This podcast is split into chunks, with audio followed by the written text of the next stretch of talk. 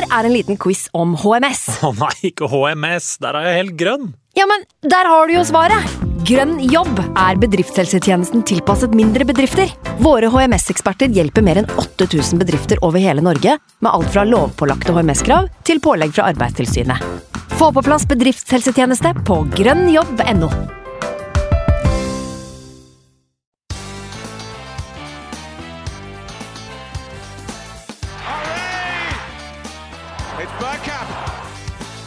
for grabs!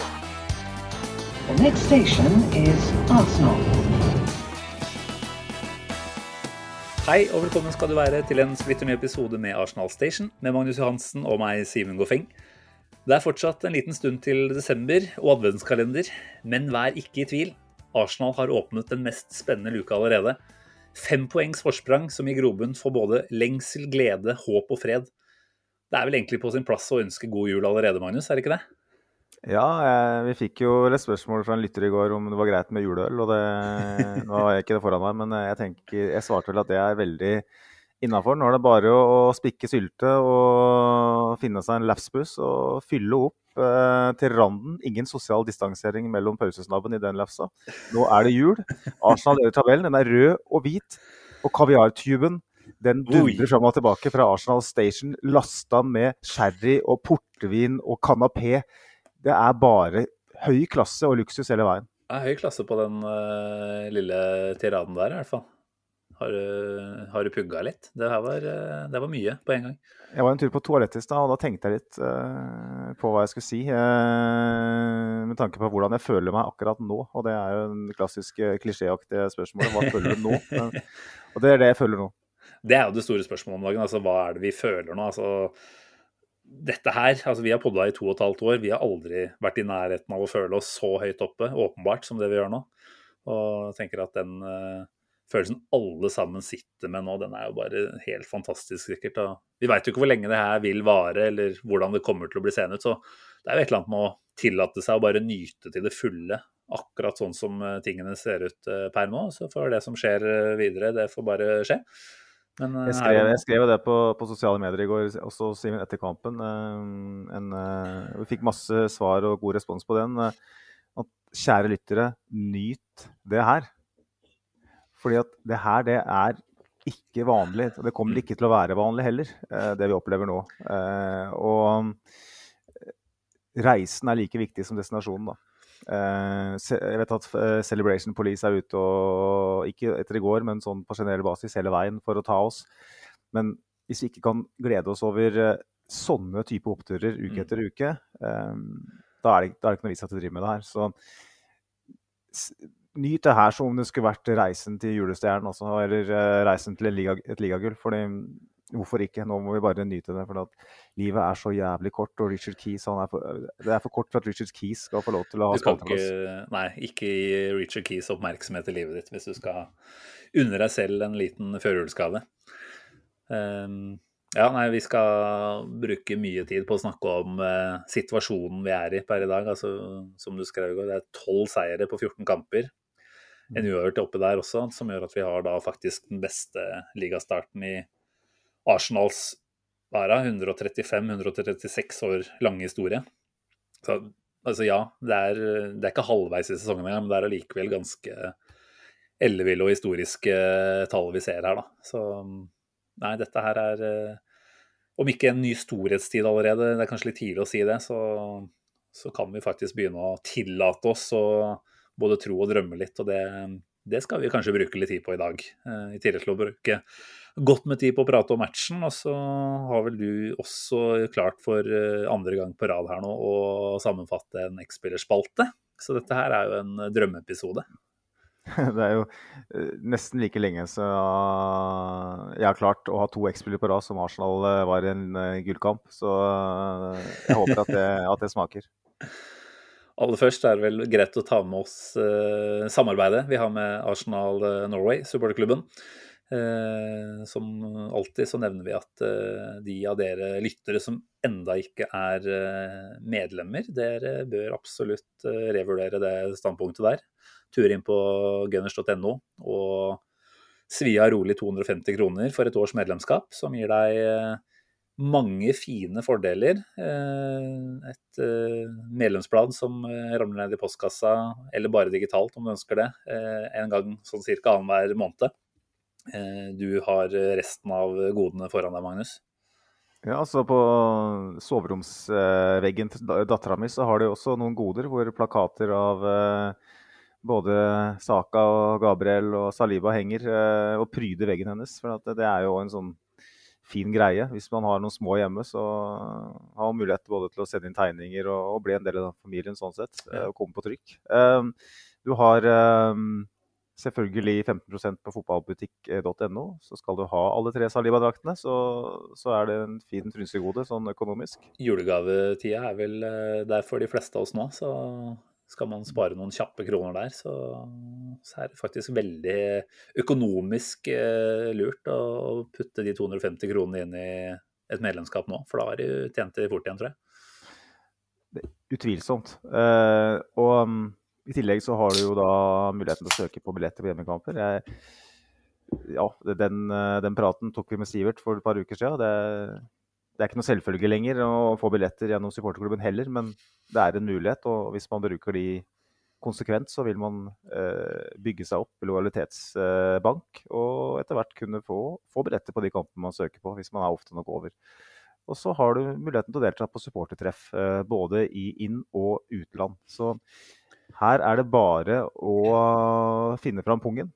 Eh, finne fram et par lapper, og så er du, er du med i en familie som eh, akkurat nå er den fineste familien, den beste familien i engelsk fotball. Ja, så enkelt er det. Det er vel alltids, for så vidt. Ja, nå, er vi, nå, vi, nå, nå, kan liksom ingen ta oss på det heller. greit, greit, greit. Bragging rights. Absolutt. Nei, men uh, fint. Vi får komme oss uh, rett i gang med matchpraten, Magnus. For det her var uh, ja, vår åttende bortekamp denne sesongen her. Og vi begynner jo å bli vant til både oppstilling og, og, måter vi framstår på, men eh, allikevel så er det mye å, å, prate om også fra denne matchen her. Um, men oppstillinga, altså Den fikk vi vel egentlig akkurat som forventa nå. Jeg vet ikke om det er vits å bruke noe mer tid på den. Det er definitivt Artetas foretrukne elver, de som starter utpå her uh, mot Wolves. Uh, jeg vet ikke hvor mange kamper de elleve har starta nå, men uh, det kan ikke være kjempemange med tanke på Zinczenkos en del kampers eh, skadeavbrekk. Da. Så um, fint å, mm. fint å, ha den gode gjengen der samla. Selv om ikke kanskje første gangen eh, bar preg at det var de elleve beste. Da. Jeg vet ikke hva du fikk ut av både inngangen til kampen og, og starten på den.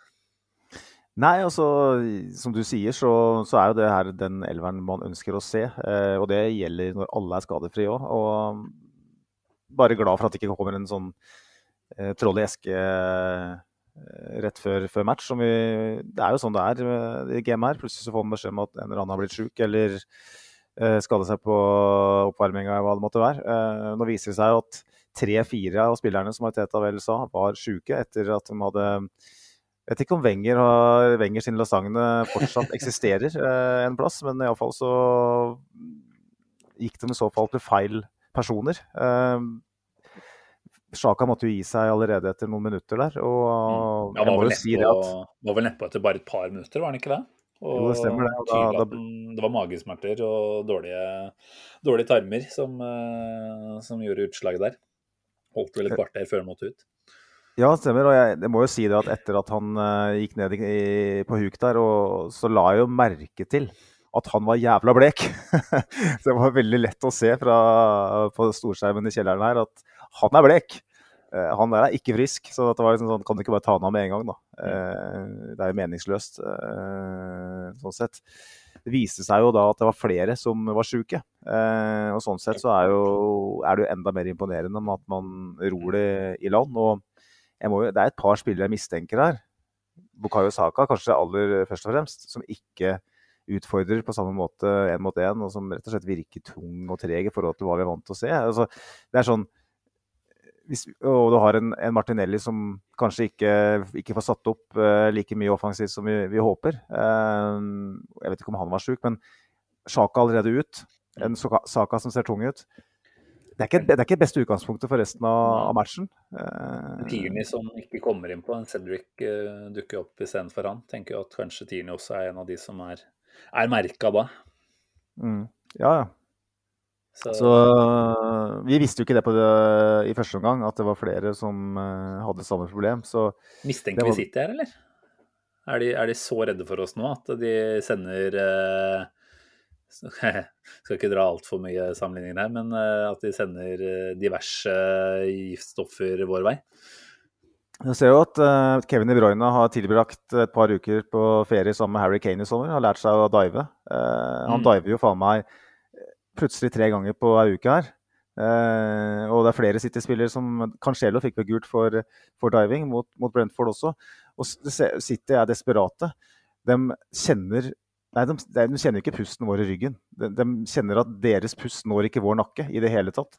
Så nå bruker de alle tilgjengelige, tilgjengelige midler eh, for å tette luka. Eh, spesielt og fascinerende å følge med på. Og ja, jeg mista litt tråden her, men ja, åpenbart. Ja, det virker sånn. Men altså, ja, med de, de forutsetningene her, så, så går vi kanskje ikke inn i den første gangen her med de aller beste korta. Da, og jeg syns jo vi ser at det er, det er et uh, lag som Jeg vet ikke om de bærer preg av noe annet også, men uh, det er klart at City taper jo tidligere samme dag mot Brentford. Uh, Arteta sa vel det etter kampen, at laget hadde sett eh, City-Brentford-kampen, og at man kunne jo bare se for seg hvordan de reagerte da Brentford scora. Det er klart at Jeg tror jo at Arsenal sine spillere eh, de lever i den samme verden som oss, selv om de lever inni eh, sin egen verden også.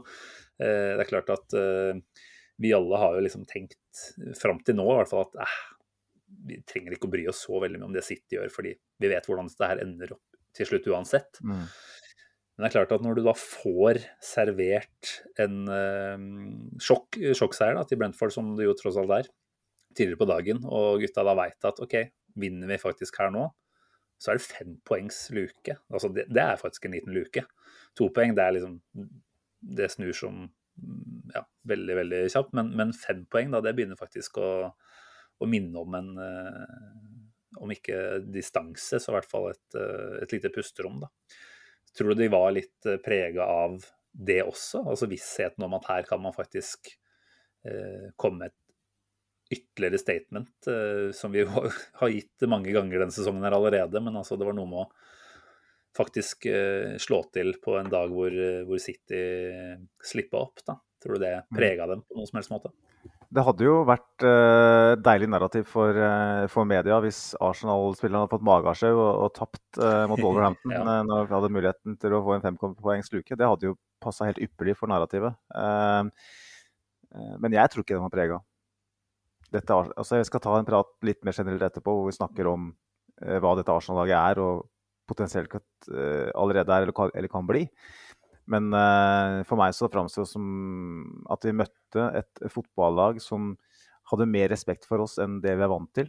Eh, det var Otto Rehagel Sellas fra 2004. eh, som bare ligger dypt og Ja, det, det var å minne meg om tidlige Emirates-årganger hvor Arsen Wenger sitt, sine lag møtte en, en buss og sto og trilla ball i 60-70 minutter før man fikk gjennombruddet. Så jeg er veldig imponert jeg, over eh, hvordan Arsenal eh, takla denne eh, kampen på. Fordi at dette her er et matchbilde eh, litt, som minner litt om matchbilder Artetas Arsenal ikke har vært så glad i. Altså et lag som eh, har noe å forsvare. Eh, de spilte jo mot et lag som så ut som leda 1-0, eh, eller 2-0, eh, men som var 0-0 på hjemmebane. Eh, og dette er matchbilder hvor vi tidligere ikke har klart å gjøre så mye.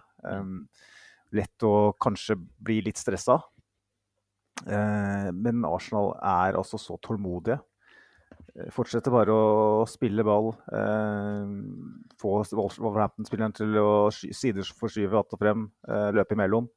Og vente på, på øyeblikket. Så for meg så er det her rett og slett perfekt løst igjen av Artetas Arsenal. Eh, et, i, I pausa så tenkte vi kanskje ikke sånn, men sånn, når man ser på det i, i etterkant, så Det er jo sånn man skal løse det. For det er dritvanskelig å bryte gjennom en sånn blokk.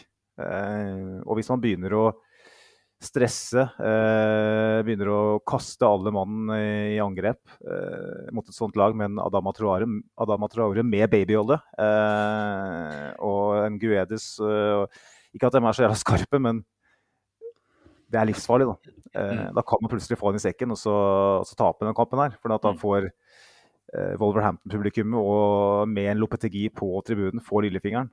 Eh, her skal det snus. Her skal sesongen snus. Med et relativt godt lag, vi må jo si det, som underpresterer nå inne i helvete. Mm. Så jeg er altså så imponert over måten vi løste det her på. Ja, deilig å høre. Men, men, vi kan ta veldig kort Det var ikke veldig mange høydepunkter i, i første omgang. Det var jo et par situasjoner med Gabriel Jesus hvor han var involvert. eh, kan vi egentlig si på godt begge gangene. Eh, første var jo en offside-scoring, hvor han ligger en liten meter innafor. Eh, det er vel et eh, Martinelli-legg. Minner jo litt om eh, det mot Chelsea. Bare at her får Gabriel Jesus tatt ned ball, dunka inn på halv volley. Meget overbevisende avslutning. Vi snakka litt om det. Handler det om at han visste at han var i offside? fordi der var skuldra veldig mye lavere enn de har vært i en del andre avslutningsøyeblikk de siste ukene. Så mm, det betydde jo dessverre at eh, måltørka fortsatte enn så lenge, da. Um, og så hadde han jo også en, eh, en avslutning i, som ikke tverrligger over etter at vi hadde spilt oss fint gjennom. Um, jeg vet ikke om jeg skal sitere deg på det, men eh, du brukte ordet iskald om den. For så vidt Ja, nå gjorde jeg det allikevel. det er bra, det. Det er helt greit. Men, men altså målformmessig så er det jo ikke noen tvil. Der er han jo iskald. Men jeg syns jo for så vidt også at det vi ser av han i de avslutningsøyeblikkene i dag, eller mot uh, Wolves i går, er uh, noe som tyder på at her er det igjen disse marginene som med en gang de bikker litt motsatt veien, så, så kommer den flytperioden fort til å til å resultere i flere mål enn det har gjort til nå. Da. Men nå er det klart, nå går vi inn i en, inn i en lang pause. Jeg om det er positivt eller negativt for hans del. Kanskje greit å få resetta litt og få tankene over på en annen plass. Men uh, har jo, vi har jo hatt en liten prat rundt uh, viktigheten av at vi har en spiss som skårer mål. når han mm. da får et par ålreite muligheter i den første gangen og ikke setter de, er du Tillater du deg å liksom bli litt uh, smått bekymra ennå? Er det denne tanken om at eh, hvis vi ikke har, har den toppspissen, så, så, får man faktisk uh, i verste fall svi allerede i den kampen her?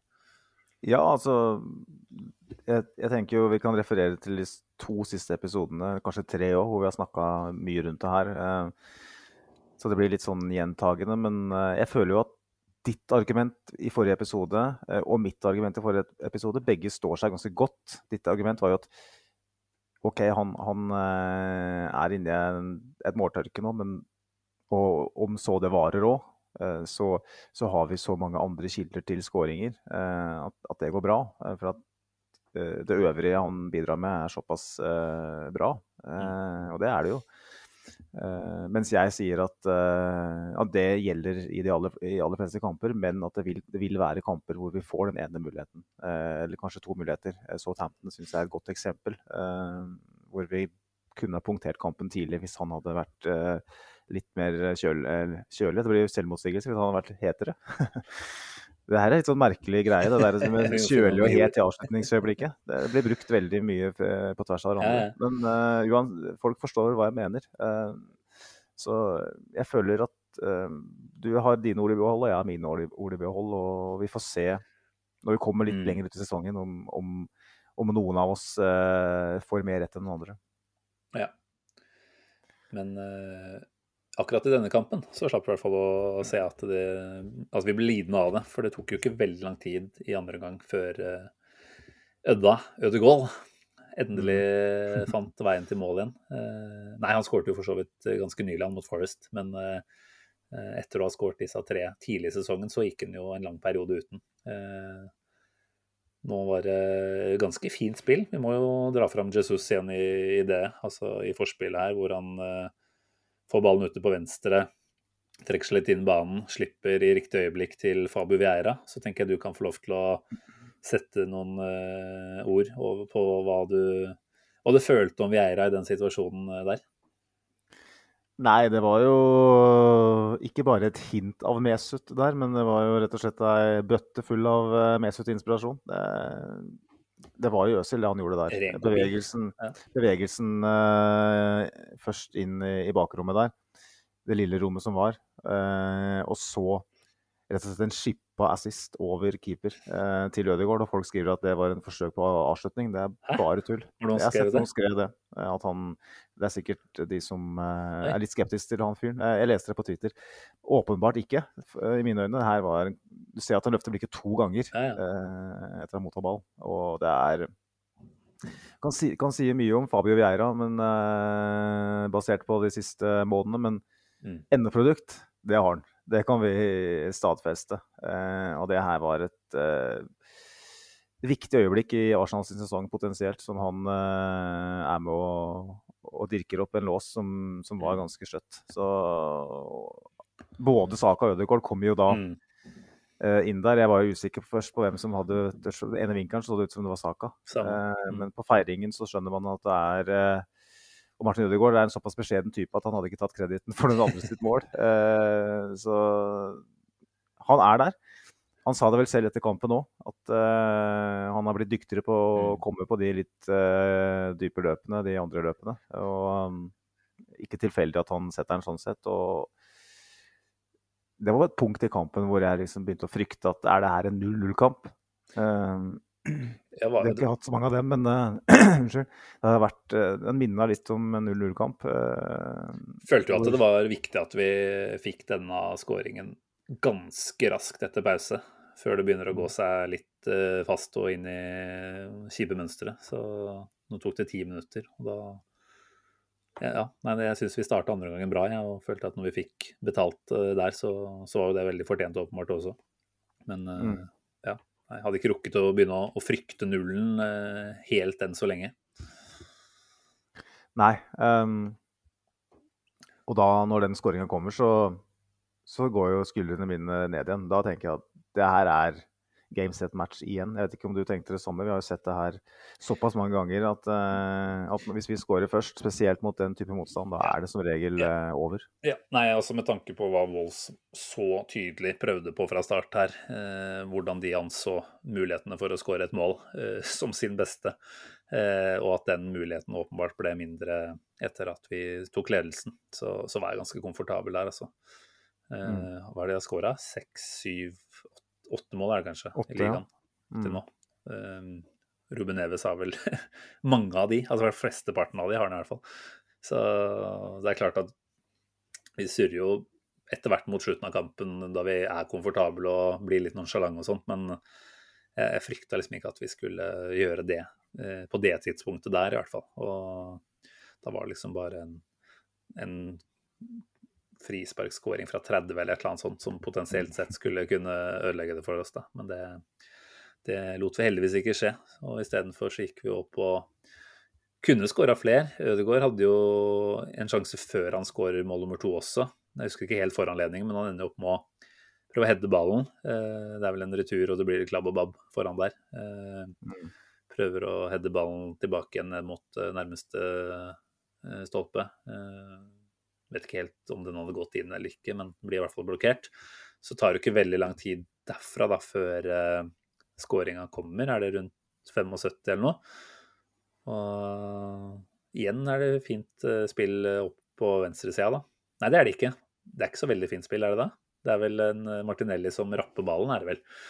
Det er jo ganske fint eh, Altså, Ja, det er jo Det er vel eh, hælflikken Mm. til uh, Martin Det Men er igjen da, det er liksom alt. Jo, alt vi er gode på Mm. blir jo på en måte vist fram der, da. Altså både gjenvinningsspillet, eh, som vi har vært fantastiske på, og at Zinchenko bidrar offensivt. Eh, Hælflikken til Martinelli, så er det vel Zinchenko som slår hardt inn. Eh, Wolves klarerer, Martinelli avslutter.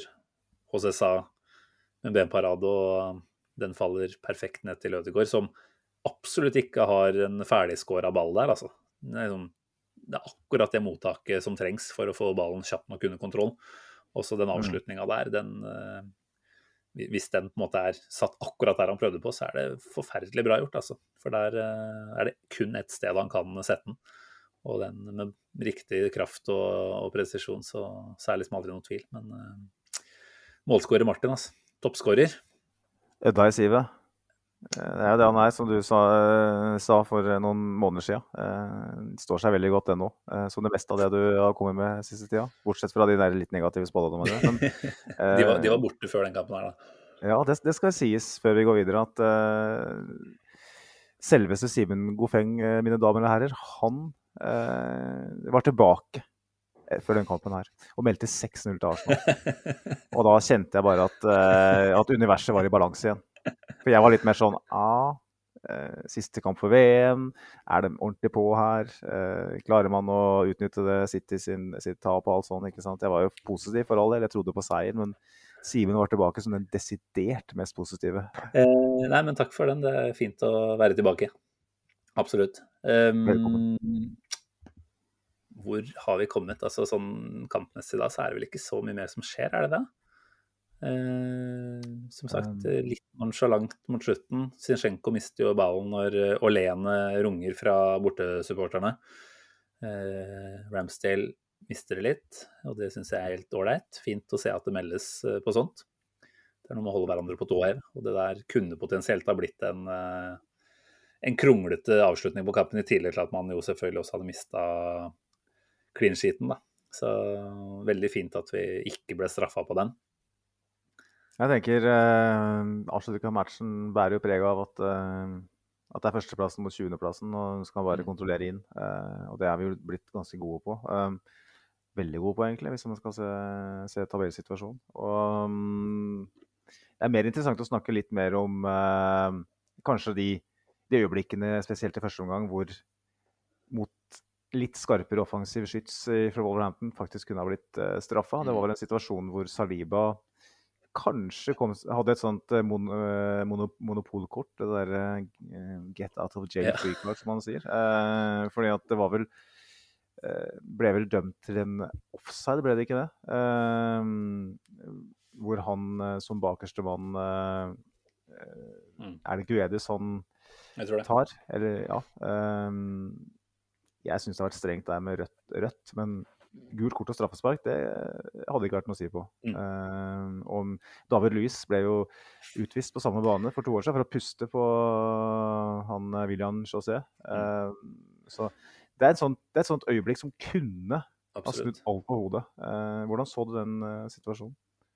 Ja, nei, Jeg hadde faktisk glemt den før du nevnte den nå. Ehm, I ettertid så lurer jeg jo litt på hvorfor ikke VAR kan gå inn der. Er det fordi altså, den offsiden som er dømt, gjør at det som skjer etterpå, eh, på en måte ikke kan bedømmes. Jeg er litt usikker. Mm. Men, mm, jeg tror det er nettopp det du sier der. Jeg leste litt om det i dag, at eh, ja. det blir på en måte en annen situasjon igjen. Men når du um, ser selve altså, forsøket på Saliba til å gå inn og, og takle ballen der, så, så, er det ikke noe tvil om at den bommer. Så mm hadde den eh, fått gå, eh, så hadde man jo absolutt vært ute og kjøre. Var det på 0-0? Var, var, det på 0 Det var på 0-0, ja. ja. Det var det. Det må det ha vært, selvfølgelig, siden det var i første omgang. Så det er klart, da er vi eh, absolutt ute og, og sykler litt i verste fall der, altså. Men, I tillegg så, så ryker Sjaka ut der. Setter inn en, en Fabio Vieira som har omtrent en halv brøkdel av de defensive fibra til Granit Sjaka. Med tillegg Zinchenko på venstre bekk, som egentlig er midtbanespiller, mm. sånn i måten han spiller på. Med Adama Traore da på ja. høyrekanten der, så var det jo Men nettopp det der syns jeg var altså Nå sa jeg vel i stad at jeg tror Tierney var um, en av de som kanskje sleit litt, med tanke på at han uh, ikke kom inn for uh, Eller når Sedri kom inn i andre. Men uh, også i første der så kunne jo gjerne det ha vært en bedre løsning med tanke på den offensive trusselen til uh, til Wolf. da, At man hadde satt Zinchenko opp i den uh, indreløperrollen og heller tieren inn. Men uh, det er vel noe med at den måten å spille på er mindre innarbeida enn å bare dunke uh, Fabio Vera inn der. Altså i den offensive delen av spillet vår, da. Så... Jeg tenker at, at Arteta kanskje tenkte at uh, Adama Traore han skårer ikke på et bordell med bankkortet fullt av millioner. Uh, har visst ikke assister heller. Så jeg Nei, ikke hadde ikke noen mål på de siste 38 kampene sine. Han er jo, han er jo helt, helt fullstendig vaksinert. Han er iskald, det er greit. Uh, Guedes uh, heller ikke kjempehet om dagen, så uh, Jeg tenker at den avveiningen der, den Hvis man no, mot noen motstandere i Premier League skal helle mot å kjøre mer offensivt, så er det jo nettopp mot Wolverhampton.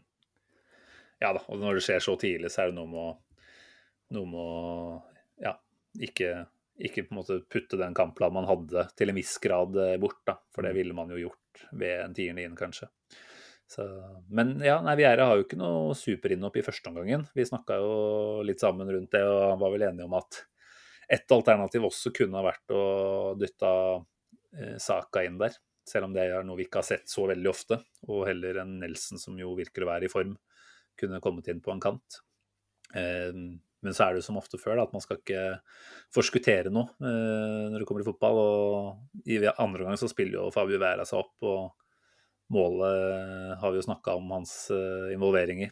Og jeg tenker jo at han trengte det der. Eh, vi så jo hvordan han feira med Martinelli etter å ha servert den assisten. Det var helt tydelig at det der var det var noe han hadde venta lenge på nå. Og det var vel en på Twitter der også som henviste til at han ordentlig sånn fistbumpa til hele trenerbenken, og at de alle viste oppmerksomhet til han. da.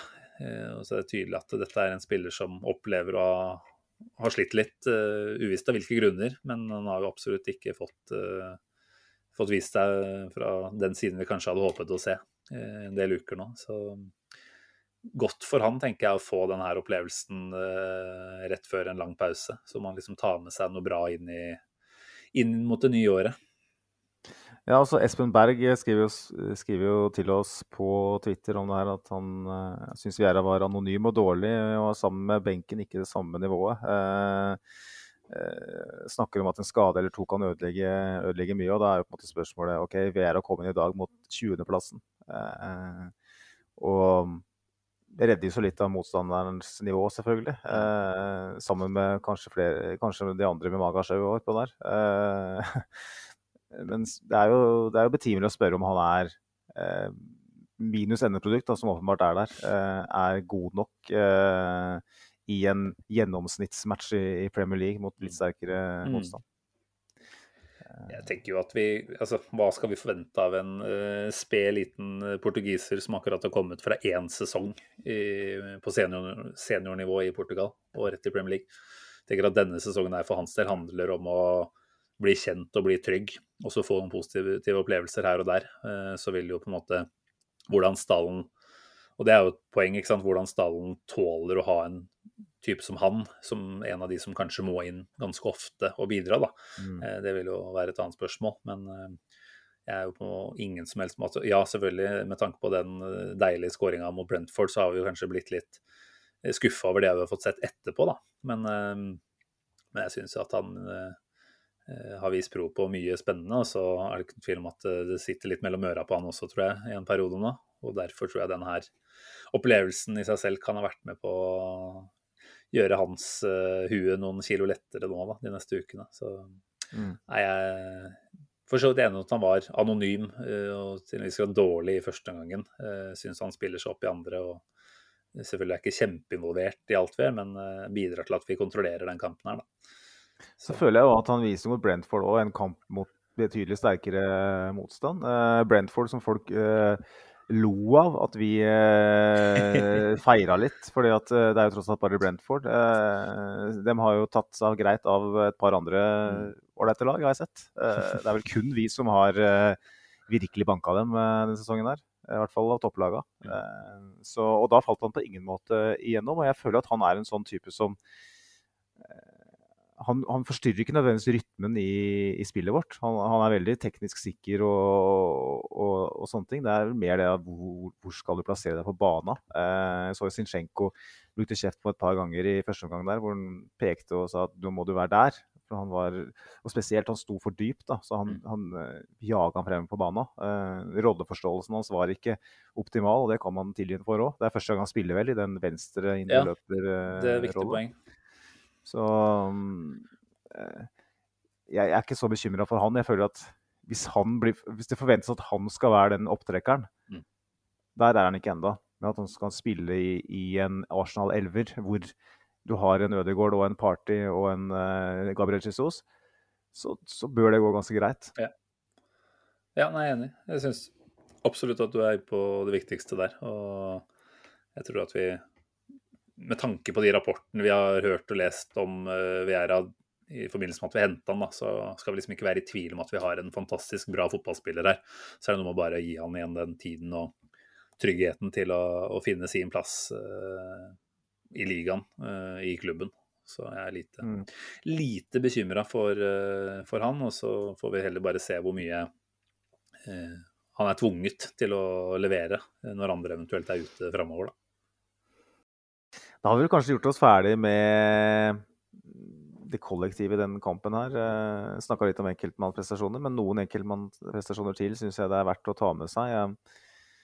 Gabriel Magli Aas, advokatfirma, eh, var jo virkelig pertentlig og i orden i, i går. Han eh,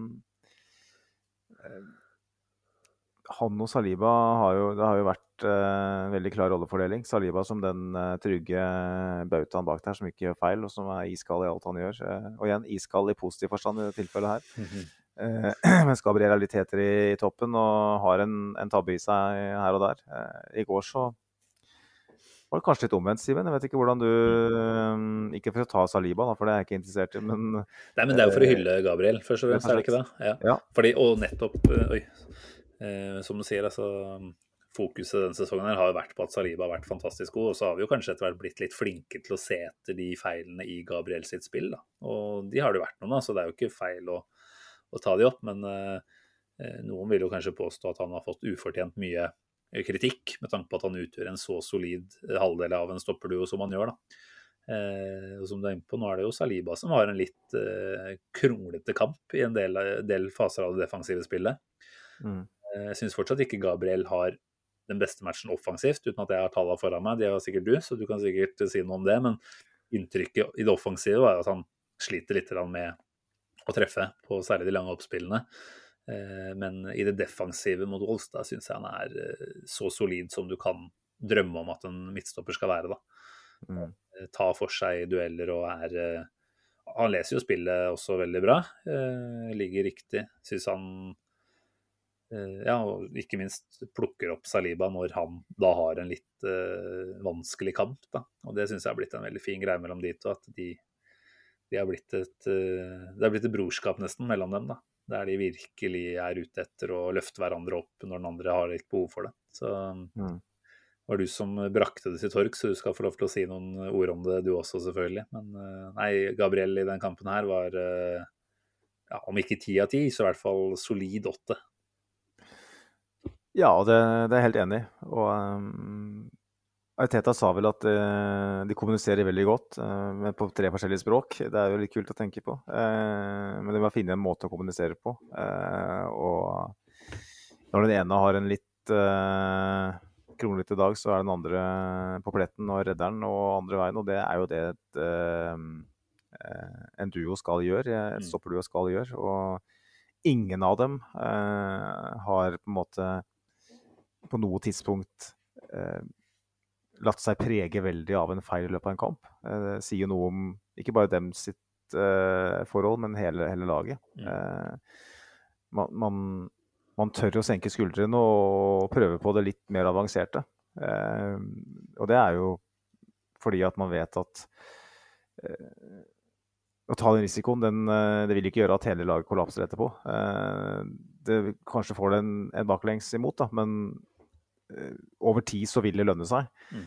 Og Saliba har gjort en del feil uh, en del, Noen få feil, kan du si, i løpet av siste måneden. Ja. Uh, men det handler om at han spiller på mye høyere risiko enn en gjennomsnittsstopper. Og han er 21 år òg, det skal nevnes.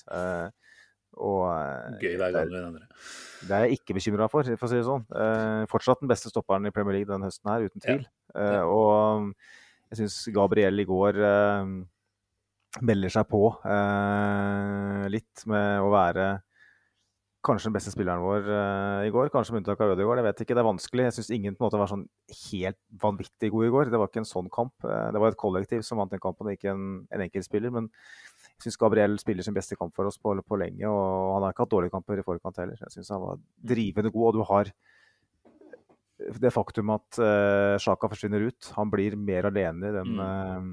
I den venstre kanalen her, og jeg syns han vokser med, med det ansvaret. Det er akkurat som det skjerper han, at han blir litt mer uh, ensom der. og Mm. han, han, ikke, han slår ikke den uh, feilpasningen på tvers. Han er ikke for sent inn på noe tidspunkt. Han er, leser spillet godt, og han utfører alt teknisk kjempebra. Så en, en åtter, som du sier. Og det, en åtter i Premier League, det er det faen ikke mange som har. Av de levende, altså oss normale dødelige. Altså Når du sier at Saliba er bare 21, og det er, jo, det er jo helt spesielt, selvfølgelig, så må vi også bare igjen minne om at Gabriel er bare 24. Mm. Og for en stopper i Premier League så er ikke det noe alder i det hele tatt. ikke sant? Altså Han skal ikke være på sitt beste, og er ikke det ennå, før om to-tre sesonger. ikke sant? Eh, noe man kan vel si om de aller fleste den eh, troppen her. Så Nei, jeg tror eh, vi, vi har vel vært innpå det i den poden her, vi også. at liksom hvilke elementer i det laget her er det vi kan potensielt se for oss at skiftes ut uh, før noen andre, da. Og kanskje, altså hvis man skal lete etter noen, så er det vel kanskje sånn at man kan uh, se til en uh, type som Gabriel, da. Men som du har preacha flere ganger, altså det spillet han og Saliba får til sammen, det er jo det som er nøkkelen her. Det er ikke noen automatikk i at vi bytter ut Gabriel med hvem som helst og får en eh, total som blir bedre da, enn det Saliba og Gabriel eh, får til. Så jeg tenker at vi må bare sette pris på det han også leverer stort sett hver eneste uke her. Ja, litt teit i visse øyeblikk og gjør et par uforståelige ting en gang iblant, men uh, i det store og det hele så er han Han er rett og slett en, en kjempegod stopper. og da må vi prøve å legge vekk den der tendensen vi har til å fokusere på de små for så vidt de store, men de få feilene da, som en gang iblant dukker opp. Og så heller sette pris på totalen her, som Ja, jeg vet ikke, har de spilt alle matchene sammen, Saliba og Gabriel? De har vel det? har de Det det? tror jeg faktisk de har. Også, den Det er vel eh, en av Altså, vi har hatt en del konstanter i det laget her etter hvert, men eh, at eh, vi har et midtstopperpar som kan ja, tåle omtrent hver eneste Premier League-kamp, det, det er jo en nøkkel til suksess, det er åpenbart. Så nei, bøyer meg i støvet for Gabriel. og Uh, bare sånn kort om Saliba, når vi har nevnt denne blemmen han hadde, den tilbakespillspasningen. Uh, så var det vel der noen rapporter om at det faktisk var uh, Arteta Det var vel han James McNicholas Gunnerblogg som skrev det. At det var Arteta som sto og mana på sidelinjen om at den ballen skulle tilbake til Ramsdale. Så vi kan vel sånn sett kanskje frita Saliba litt da, i den situasjonen der. Jeg er helt enig. Uh, Syns det er eh, en fin måte å verne om favorittbiten i den twistposen, som er Saliba. Eh, han er Han skal gjøre ganske mye feil før, før man begynner å tvile. Er Nå får vi noen uker med fotball-VM for de som skal se på det, hvor han skal sannsynligvis starte for, for Frankrike, som kanskje er det sterkeste landslaget i, i verden. For, eh, og han kommer sannsynligvis til å pådra seg enda mer eh, høye aksjer, eh, er redd, i løpet av de ukene. Og eh, ja, jeg tror jeg har sagt det meste om Saliba, så jeg skal gi meg der. Ja, men det er greit, da. vi får håpe videre i, i sendingen. Eh, hvilket punkt som står for tur, er jeg litt usikker på. Betyr det at vi egentlig er ferdig snakka om kampen, egentlig? Mm, jeg tenker det. Eh, Eh, kanskje, jeg vet ikke om eh, vi har noen lytterinnspill om selve kampen, jeg, Simen. Eh, igjen, eh, forberedelse er eh, positivt. Ikke alltid nøkkelen. Eh, vi klarer oss uten. Men eh, jeg tenker jo når vi etterspør reaksjoner eh, etter kamp, så syns jeg det er på sin plass å ta med noen av de òg. Mm. Bare for å få en sånn stemningssetter da, blant, eh, blant supportermiljøet. Altså, det er jo etter hvert sånn at eh, det er mange ulike typer som er innom eh, eh, vår eh, Twitter-feed også. Jeg tenker at eh, Da syns jeg det er fint at vi tar med noen av de. Har du, har du funnet noen? Ja, altså Det er mer sånn generelt, da. Eh, et par Liverpool-supportere som har vært innom her, til og med. Eh, men eh, om selve kampen i går, så er det kanskje ikke så mye vi har fått. Eh, det er mer det generelle som er eh, Som hele veien blir eh, referert til. Eh, sånn så kanskje vi bare skal bevege oss, oss dit, da. Ja. Fordi at nå får vi mange uker hvor, hvor, vi skal reflektere over det her, og, og ikke minst predikere det som skal skje eh, fra andre juledag og utover. Det er jo en pirrende tanke i seg selv. Um, eh, så Håkon Søbakken eh, på Twitter han skriver at han er Liverpool-fan. Eh, han er spent eh, på hvem vi tipper som ender topp fire når vi runder sesongen. Eh, han tror fremdeles er Liverpool City, Arsenal og Tottenham, dog ikke i den rekkefølgen. Mm. Uh, han skriver også at det er bare å ta av seg hatten. og jeg tror han har sine ord i behold. Han skriver håper dere virkelig nyter situasjonen som den er nå. For for en start dere har hatt på sesongen. Hva som skjer etter VM, vet ingen. Ingen andre enn overpositive Simen hadde tippa Arsenal foran City uh, og Liverpool inn mot VM. Nyt det så lenge det varer. Og jeg tenker han som Liverpool-supporter, uh, som har levd med den der jævla kleggen, den sportsvaskende kleggen som City mm. er, når de har vært inne i en prestasjonsmessig gull og resultatmessig gullalder eh, og bare få med seg én ligatittel kanskje i løpet av det Klopp sin æra, så vet han hva han snakker om. Vi må nyte denne, denne reisen her. Men uh, han spør jo hvem vi tror blir uh, topp fire. Da. Skal vi ta det med en gang? Uh, eller skal vi Ja, uten å rangere rekkefølge, så kan vi vel kaste ut noen navn, kanskje. Det, det, alltid kjedeligste er å si de samme som ligger der nå, så det har jeg ikke lyst til å gjøre. Arsenal City, der er det ikke noen tvil i mine øyne. Jeg har lyst til å si at Tottenham ikke klarer topp fire. Bare fordi det er deilig å si det, selvfølgelig. eh, men også fordi ting kan skje der. Altså, per nå så har de faen meg klart å dra i land 29 poeng på 15 matcher. Jeg skjønner ikke hvordan de har fått det til, men de har nok klart det. Men eh, hvis verden er et rettferdig sted, det er det dessverre ikke. Men eh, litt mer rettferdig enn det har vært eh, nå før jul, så, så mister de den poengflyten de har hatt. Og da er de ute. Jeg tror kanskje at United, type Manchester, klarer å lure seg inn der.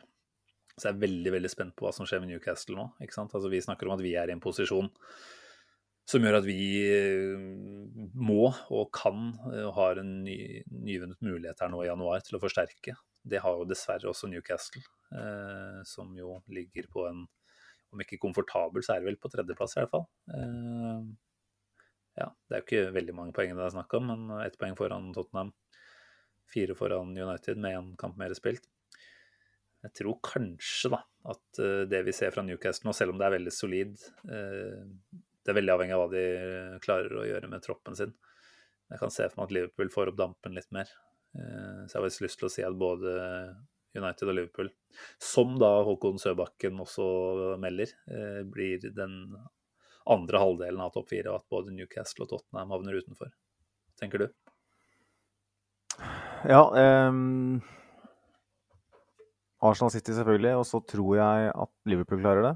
For de ligger ikke så langt bak. Og um, når de våkner, og de kommer sikkert til å handle i januar um, Og så tror jeg vel faktisk at um, Tottenham tar den uh, fjerde. Mm. Kulusevski tilbake viser at uh, offensivt potensial det, det, er der. Uh, selv uten sånn. Uh, og så tipper jeg de kommer til å hente en forsvarsspiller i januar, kanskje to, for alt jeg vet. Uh, og så kommer de ikke på noe tidspunkt til å, å være sprudlende, men som du sier, 29 poeng så langt er helt utrolig. de har en voldsom evne til å avslutte sterkt, da. Ikke at jeg skal følge det narrativet om at Tottenham bevisst har uh, latt førsteomgang i fare, så at de skal ha mer energi i andre omgang. Det er bare patetisk. Men uh, at det er noe i det at de har så mye kvalitet offensivt at de klarer å hente ut det når de andre er litt sli mer slitne, det tror jeg nok er noe det er i Z10. Mm. Jeg tror de tar det. Uh, tar en, altså en fjerdeplass. Ja. Det er ikke noe skandale hvis de vinner ligaen. Nei. Jeg tenker Det er egentlig litt tullete å sitte her og altså Vi kan snakke om et utgangspunkt her nå, selvfølgelig, men januarvindu Vi aner ikke hvordan det blir seende ut. Vi aner jo ikke heller hva slags følger VM får for de ulike klubbene som har spillere der. Så vi, vi får heller ta den her opp igjen uh, rett før uh, Eller en eller annen gang tidlig i januar, så tenker jeg vi kan uh, spå litt, litt mer kvalifisert da, i hvert fall. Men ja. Eh, det er hyggelig at eh, en Liverpool-supporter eh, er ute og applauderer litt. Det var vel til og med en andre Liverpool-supporter på vår side, Oscar Dinho, som var ute og skrev at han syns vi har hatt en imponerende sesongstart. Så vi sier takk for det òg. Det kan jo tegne seg et lite bilde her av at Liverpool-supportere gjerne unner Arsenal og kommer foran City på tabellen. Ja, og det, jeg har sett en del debatter mellom Liverpool og Arsenal-supportere på Twitter, eh, hvor det har vært mye sånn nesten småkjegling eh, mellom partene. Eh, fordi at det er liksom snakk om at, eh, ja, at Klopp sitt Liverpool har tross alt bare vunnet en ligatittel og brukt så mye penger, og bla, bla, bla, ikke sant? og at Arsenal har mm. brukt mye penger. og det. Så kjenner jeg Hvorfor sitter dere og krangler? Hvorfor mm. sitter vi og krangler? Vi er jo på samme lag her, vi. vi er jo det. Mm. Så eneste grunn til at jeg var redd for at Liverpool skulle vinne serien, var fordi at jeg, jeg har faktisk en jobb å gå til og et sosialt uh, nettverk hvor det hvor ville, må, ville måtte hørt veldig mye. Liverpool-supporterne har det jo ikke likt som oss. Det er ikke så mange Arsenal-supportere, så jeg forstår jeg, at de ønsker oss alt godt. og mm. Når de ligger så, uh, 15 poeng bak, så tenker jeg at jeg passer godt å si jeg unner dere alt godt òg. Ja, men det er fint. Gode venner. I hvert fall uh, en liten stund, så får vi se hvordan det blir når vi spiller på Anfield og Arteta og Klopp begynner å fighte igjen. uh, ja, neimen fint. Da har vi fått med litt derfra. Er det andre ting du har på, på lista di? Ja, altså vi skal jo snakke generelt om situasjonen vi befinner oss i. Uh, og um, fått veldig mange innspill. Christian Bredal skriver bare 'Kan det gå?' Eh, Hva, da? Hva da? Snakker vi om tittel? Er det lov å si åpenbart, det? Åpenbart. Ja, eh, og det er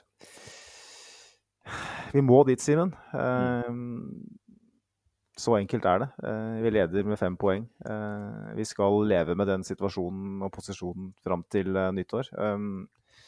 ikke at vi leder med fem poeng, men vi skal få lede ligaen ut året. Ja, det er veldig, jeg må jo bare si det, at det er et veldig fascinerende altså Ikke et eksperiment, men det er jo en spesiell situasjon, dette her. Altså en så lang pause midt i sesongen. Altså Det psykologiske er da hvor mye eh, befester tanken seg i, altså I hvor mye større grad befester den seg hos både Arsenal-spillere, men også hos omverdenen, om at nå er Arsenal et seriøst eh, tittelutfordrende lag. da. Eh, hvordan preges vi av det? Altså rekker vi å komme i en eh, situasjon hvor vi ender opp med å føle at nå har vi noe å forsvare, allerede når vi skal ut mot Westham 26.12., liksom. Eh, det er kjempeinteressant å se hvordan eh, vi rett og slett takler i den posisjonen her. Eh, mm. Jeg tror og håper at Arteta får gjengen til å bruke det til å bare positivt, egentlig. Og hele tida minner om at uh, Altså, selvfølgelig det er en mulighet, dette her, men eh, det er ingen, det er ingen måte, andre krav enn at vi skal gå ut og spille bedre fotball eh, i hver eneste kamp. Altså, så lenge man klarer å mane til den, den type mentalitet, da, så tror jeg at det, det, er noe den gjengen her tåler veldig bra. Men eh, nei, jeg synes det, det synes jeg er veldig interessant. Altså, hvordan, hvordan tåler vi det, rett og slett? Det høres rart ut. Hvordan tåler man å ligge på topp? Men mm. Og ikke minst hvordan eh, kan vi bruke det til vår fordel når det kommer til å, å forsterke oss. Vi snakka litt om det. altså hvilke, hvilke, andre destinasjoner i fotball-Europa er det som er mer spennende mm. og fristende enn Arsenal i dag? ikke sant? Um, her er det noe med å, å smi mens jernet er varmt. Uh, vi vet at vi har noen uh, ja, Om ikke huller, så i hvert fall noen områder i stallen som tåler å ikke forsterkes, kanskje, men uh, i hvert fall blir bli litt mer solide på. Da. Så um, klarer vi nå å liksom utnytte den posisjonen her på alle måter til det beste, så, så kan det gå. Det kan det. jeg, jeg, sa det vel før vi starta her, bare for å Du skal få snart komme til orde her. Nei, men jeg har uh, gått og plystra mye i det siste, og det er ikke på julesanger, selv om jeg gleder meg til jul etter hvert òg den derre 'Now you're gonna believe us, we're gonna win the league', den har gått på repeat på plystringa mi nå i lang tid. Uh, intensivert etter uh, Wolves-kampen. Og det blir nok ikke lite plystring uh, de neste ukene heller. Nei, det er klart Det er jo litt sånn fra et personlig perspektiv så er jeg jo litt redd for hva det her kan gjøre med hodet mitt. At vi skal liksom ligge der og modnes på tabelltoppen. Eh, forhåpentligvis modnes, men sånn tankene vil òg modnes. Eh, kanskje til det verre. Eh, til umodne, i verste fall. Eh, en motsatt modning der, med andre ord. Så det er litt sånn derre eh, Jeg har veldig klare tanker om, om, om, det her, men eh, jeg er redd for hva de ukene vil, vil gjøre, da. men jeg har sett litt på Tallet? Eh, tallene på Ja, eh, i dag har jeg sett på bortetall. Eh, fordi Ja, at Det er musikken min hører, det. Fordi at hjemmebana til Arsenal eh, har vært sterk Altså vi har vært mye sterkere hjemme eh, denne sesongen her og kanskje Eller ikke mye, men en del sterkere, da. Eh, vi har vunnet alle og slått både Liverpool og Tottenham og, og sånn. Og så, eh, men borteba på bortebane, der er det en markant endring, da. Som forteller meg mye mer om det laget her enn det som skjer på hjemmebane. Uh, der forventer vi at vi vinner de fleste uansett. Uh, og det har liksom gått fra å være et lag eller en klubb da, som lar de beste spillerne sine kanskje stå over en, eh, en litt kjip bortekamp uh, litt langt nord. Jeg har én spesiell spiller i tankene som jeg er veldig glad i, selvfølgelig. Men det er jo, sier jo noe om kulturen i klubben da, eh, på det gitte tidspunkt.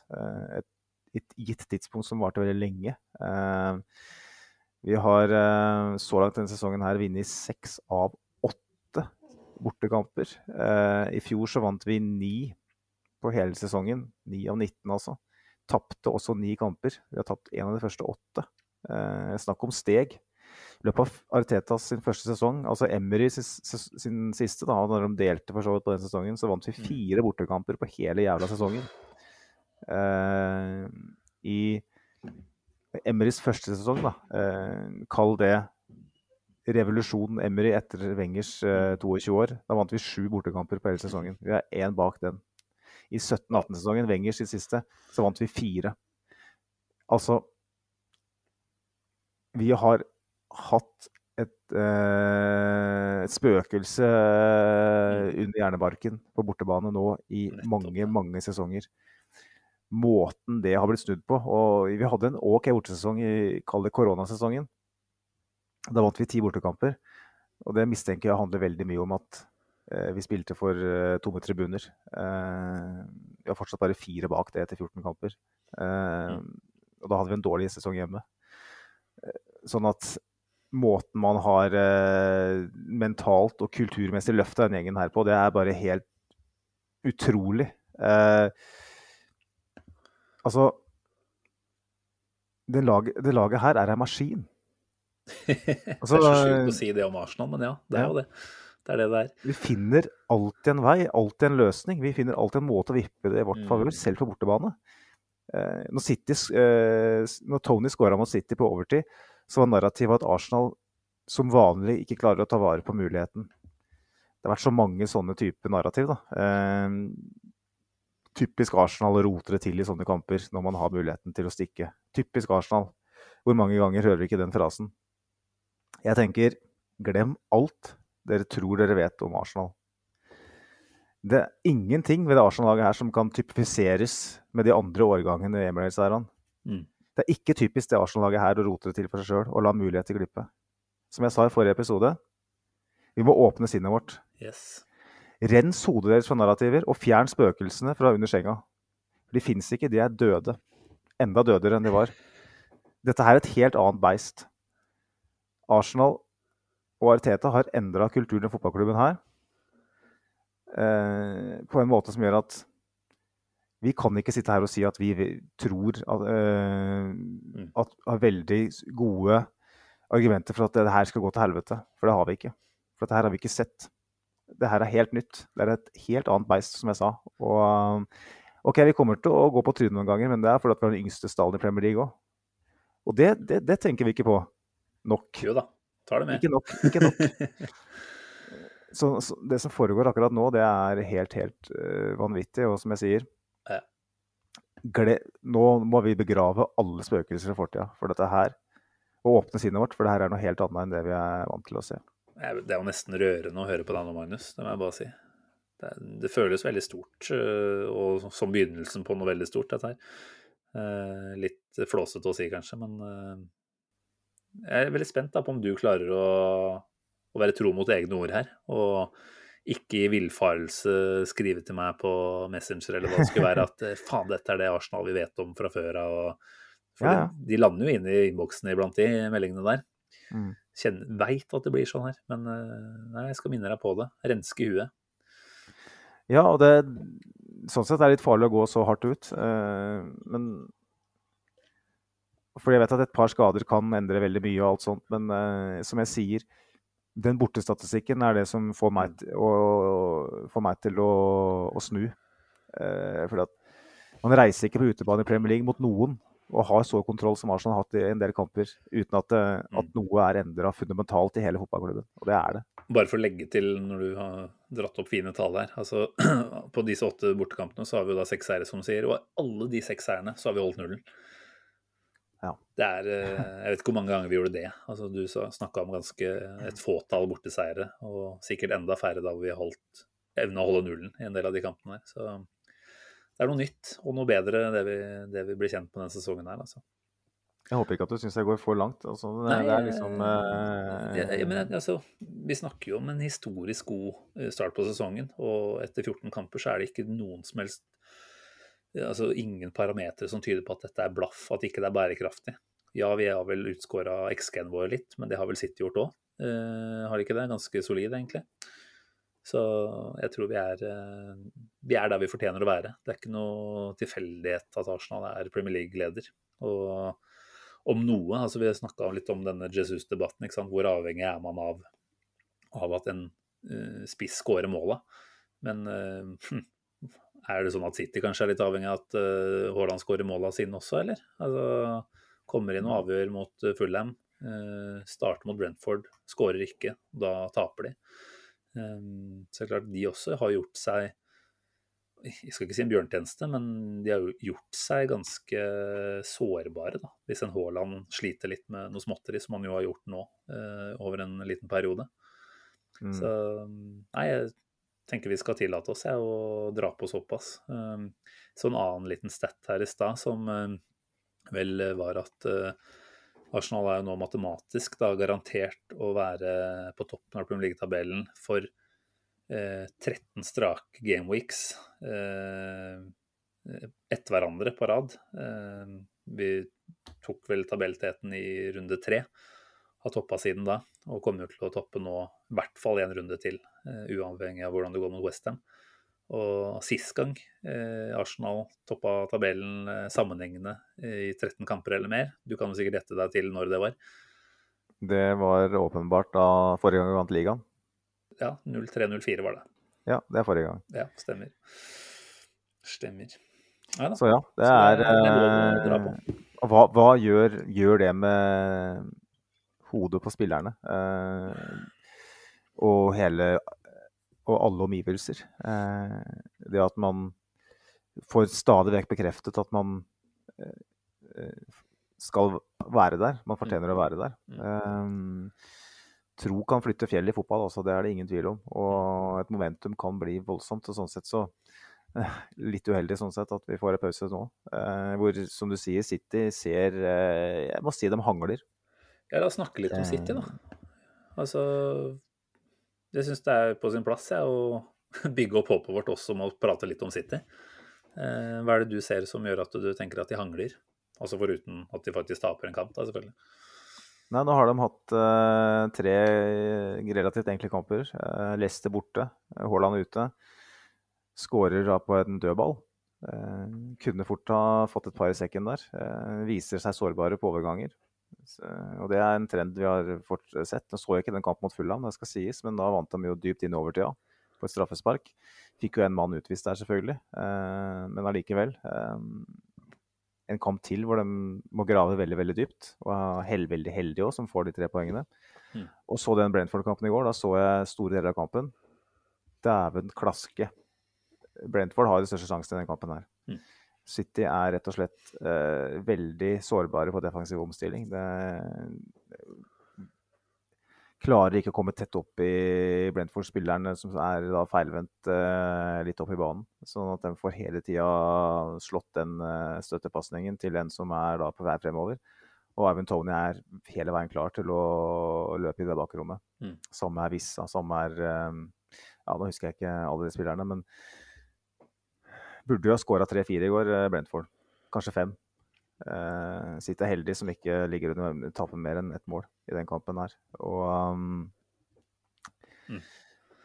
Haaland kommer vel nesten ikke til noe særlig Han kommer ikke til noen særlig målsjanser. Uh, spørsmålet er har City gjort seg for å avhenge av Har, har de ikke avhengig, men har de endra spillesystemet sitt såpass mye at, uh, at med en Haaland ute, så må de på en måte Bruker de tid på å tilvenne seg den fotballen de spilte i, fjor? Vi vet jo det at vi som fotballsupportere av klubber som spiller to kamper i uka, tre kamper i uka, maser om at vi må ha en plan B. Vi må ha en plan B. Men plan A kan aldri være så god hvis man ikke trener på den hele tida. Hvis man skal trene på plan B og plan C, så, så blir det vanskelig. da, Spesielt med to, eh, kanskje én til to treningsøkter mellom kampene. Mm. Uh, og en av dem er en restitusjonsøkt. Uh, sånn at Jeg åpner sinnet mitt igjen da, for at, at City kanskje ja, er ikke så ustoppelig som vi tror. Og det er den eneste muligheten vi har. For at vi kommer til å gå på en tøff periode i løpet av uh, våren, det er jeg helt sikker på. Det, det, kommer til å skje. Og da Hvis det kreves 100 poeng for å vinne ligaen, så vinner ikke vi ligaen. Det er nesten så jeg tør å påstå her og nå. Eh, men hvis det kreves 93 poeng, da, er jeg faen ikke, da kan det skje. Og hva, hva tenker du? Og så er, er, det noen andre momenter vi bør Du nevnte vel et eller annet ja, ja. med Champions League, gjorde du ikke det?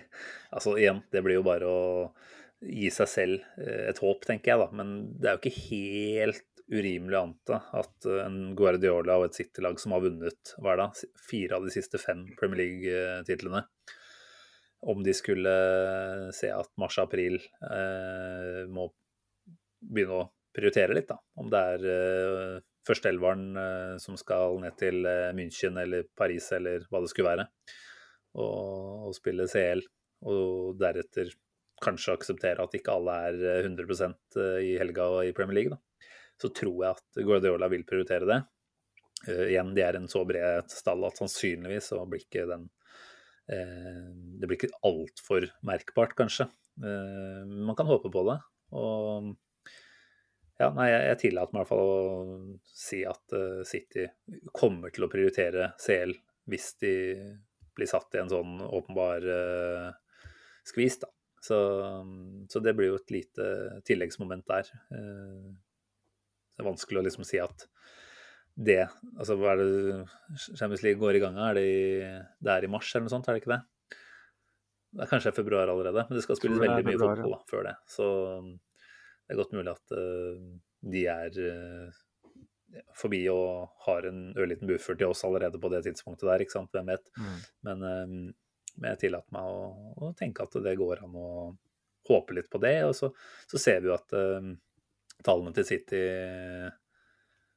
borte nå er ikke så gode. De har vel spilt bare seks borte, spilt åtte hjemme, der Arsenal faktisk er i motsatt posisjon. Har spilt seks eh, hjemme og åtte borte.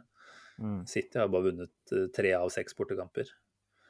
Og nå har de attpåtil vist at de er sårbare også, også, på hjemmebane. ikke sant? Lag ser at OK, møte City på den måten her. Eh, kanskje har Thomas Frank gitt oppskriften videre til andre trenere nå, ikke sant? om at her er faktisk den aller beste måten å forholde seg til City på Etiad på. da. Mm. Um, ja, nei, så tror jeg du er veldig innpå nå når det kommer til uh, dette med Haaland og hvordan man tenker rundt hvem som skal produsere for dem. Da. De ble jo veldig godt vant i starten av sesongen, og så har det begynt å om ikke tørke opp, så i hvert fall bli litt mindre goller fra Haaland nå de siste ukene. Eh, åpenbart pga. skade. Men eh, mm. Nei, jeg tror vi skal, skal, tørre å ta med de tingene der. Og så er det en liten joker, den er for så vidt ganske stor, eh, som jeg tror kanskje ikke kommer til å ha noe betydning den sesongen her. Men eh, vi ser jo stadig at det, det prates en del om eh, alt det lugubre som skjer eh, på bakrommet hos City. Eh, de kom vel ganske hardt ut her nå for noen dager tilbake og meldte at de hadde høyere omsetning og inntekter enn noen gang før. og liksom, Det var ikke måte på. De gikk jo ut med desimalen omtrent på de tallene de hadde tjent der. Eh, det er helt tydelig at det er en strategi de velger for å utad, og da mot Uefa sannsynligvis, da, vise at eh, vi tjener pengene våre på et eller annet vis. Mm. Eh, men så er det jo bl.a. Josimar, da, Philip Auclair, eh, flere med der, som har vært eh, flinke til å ettergå og kommet eh, til at det er jo en del av disse sponsoratene som ikke holder vann i det hele tatt, som bare ser ut som eh, luftshot. Mm. Eh, Jeg prøvde selv, faktisk, eh, for noen uker tilbake. Det der bettingselskapet som de assosierer seg med, 8xbet. Jeg gikk inn på hjemmesida der og tenkte ja, men jeg skal vel sjekke om det går an å spille bort noen kroner der. Se om det lar seg gjøre. Det gjorde det ikke. Jeg fikk oppretta en konto, og i akkurat samme øyeblikk som jeg fikk en bekreftelsesmail på e-posten om at eh, kontoen er oppretta, så fikk jeg en eh, ny bekreftelsesmail om at eh, kontoen er suspendert. Ja. Ikke mulig å bruke. Altså, jeg tenker det der er bare rør, og jeg tror hvis de rette folka ser etter og bruker nok tid på dette her nå, så tror jeg City skal få et ganske godt forklaringsproblem, altså.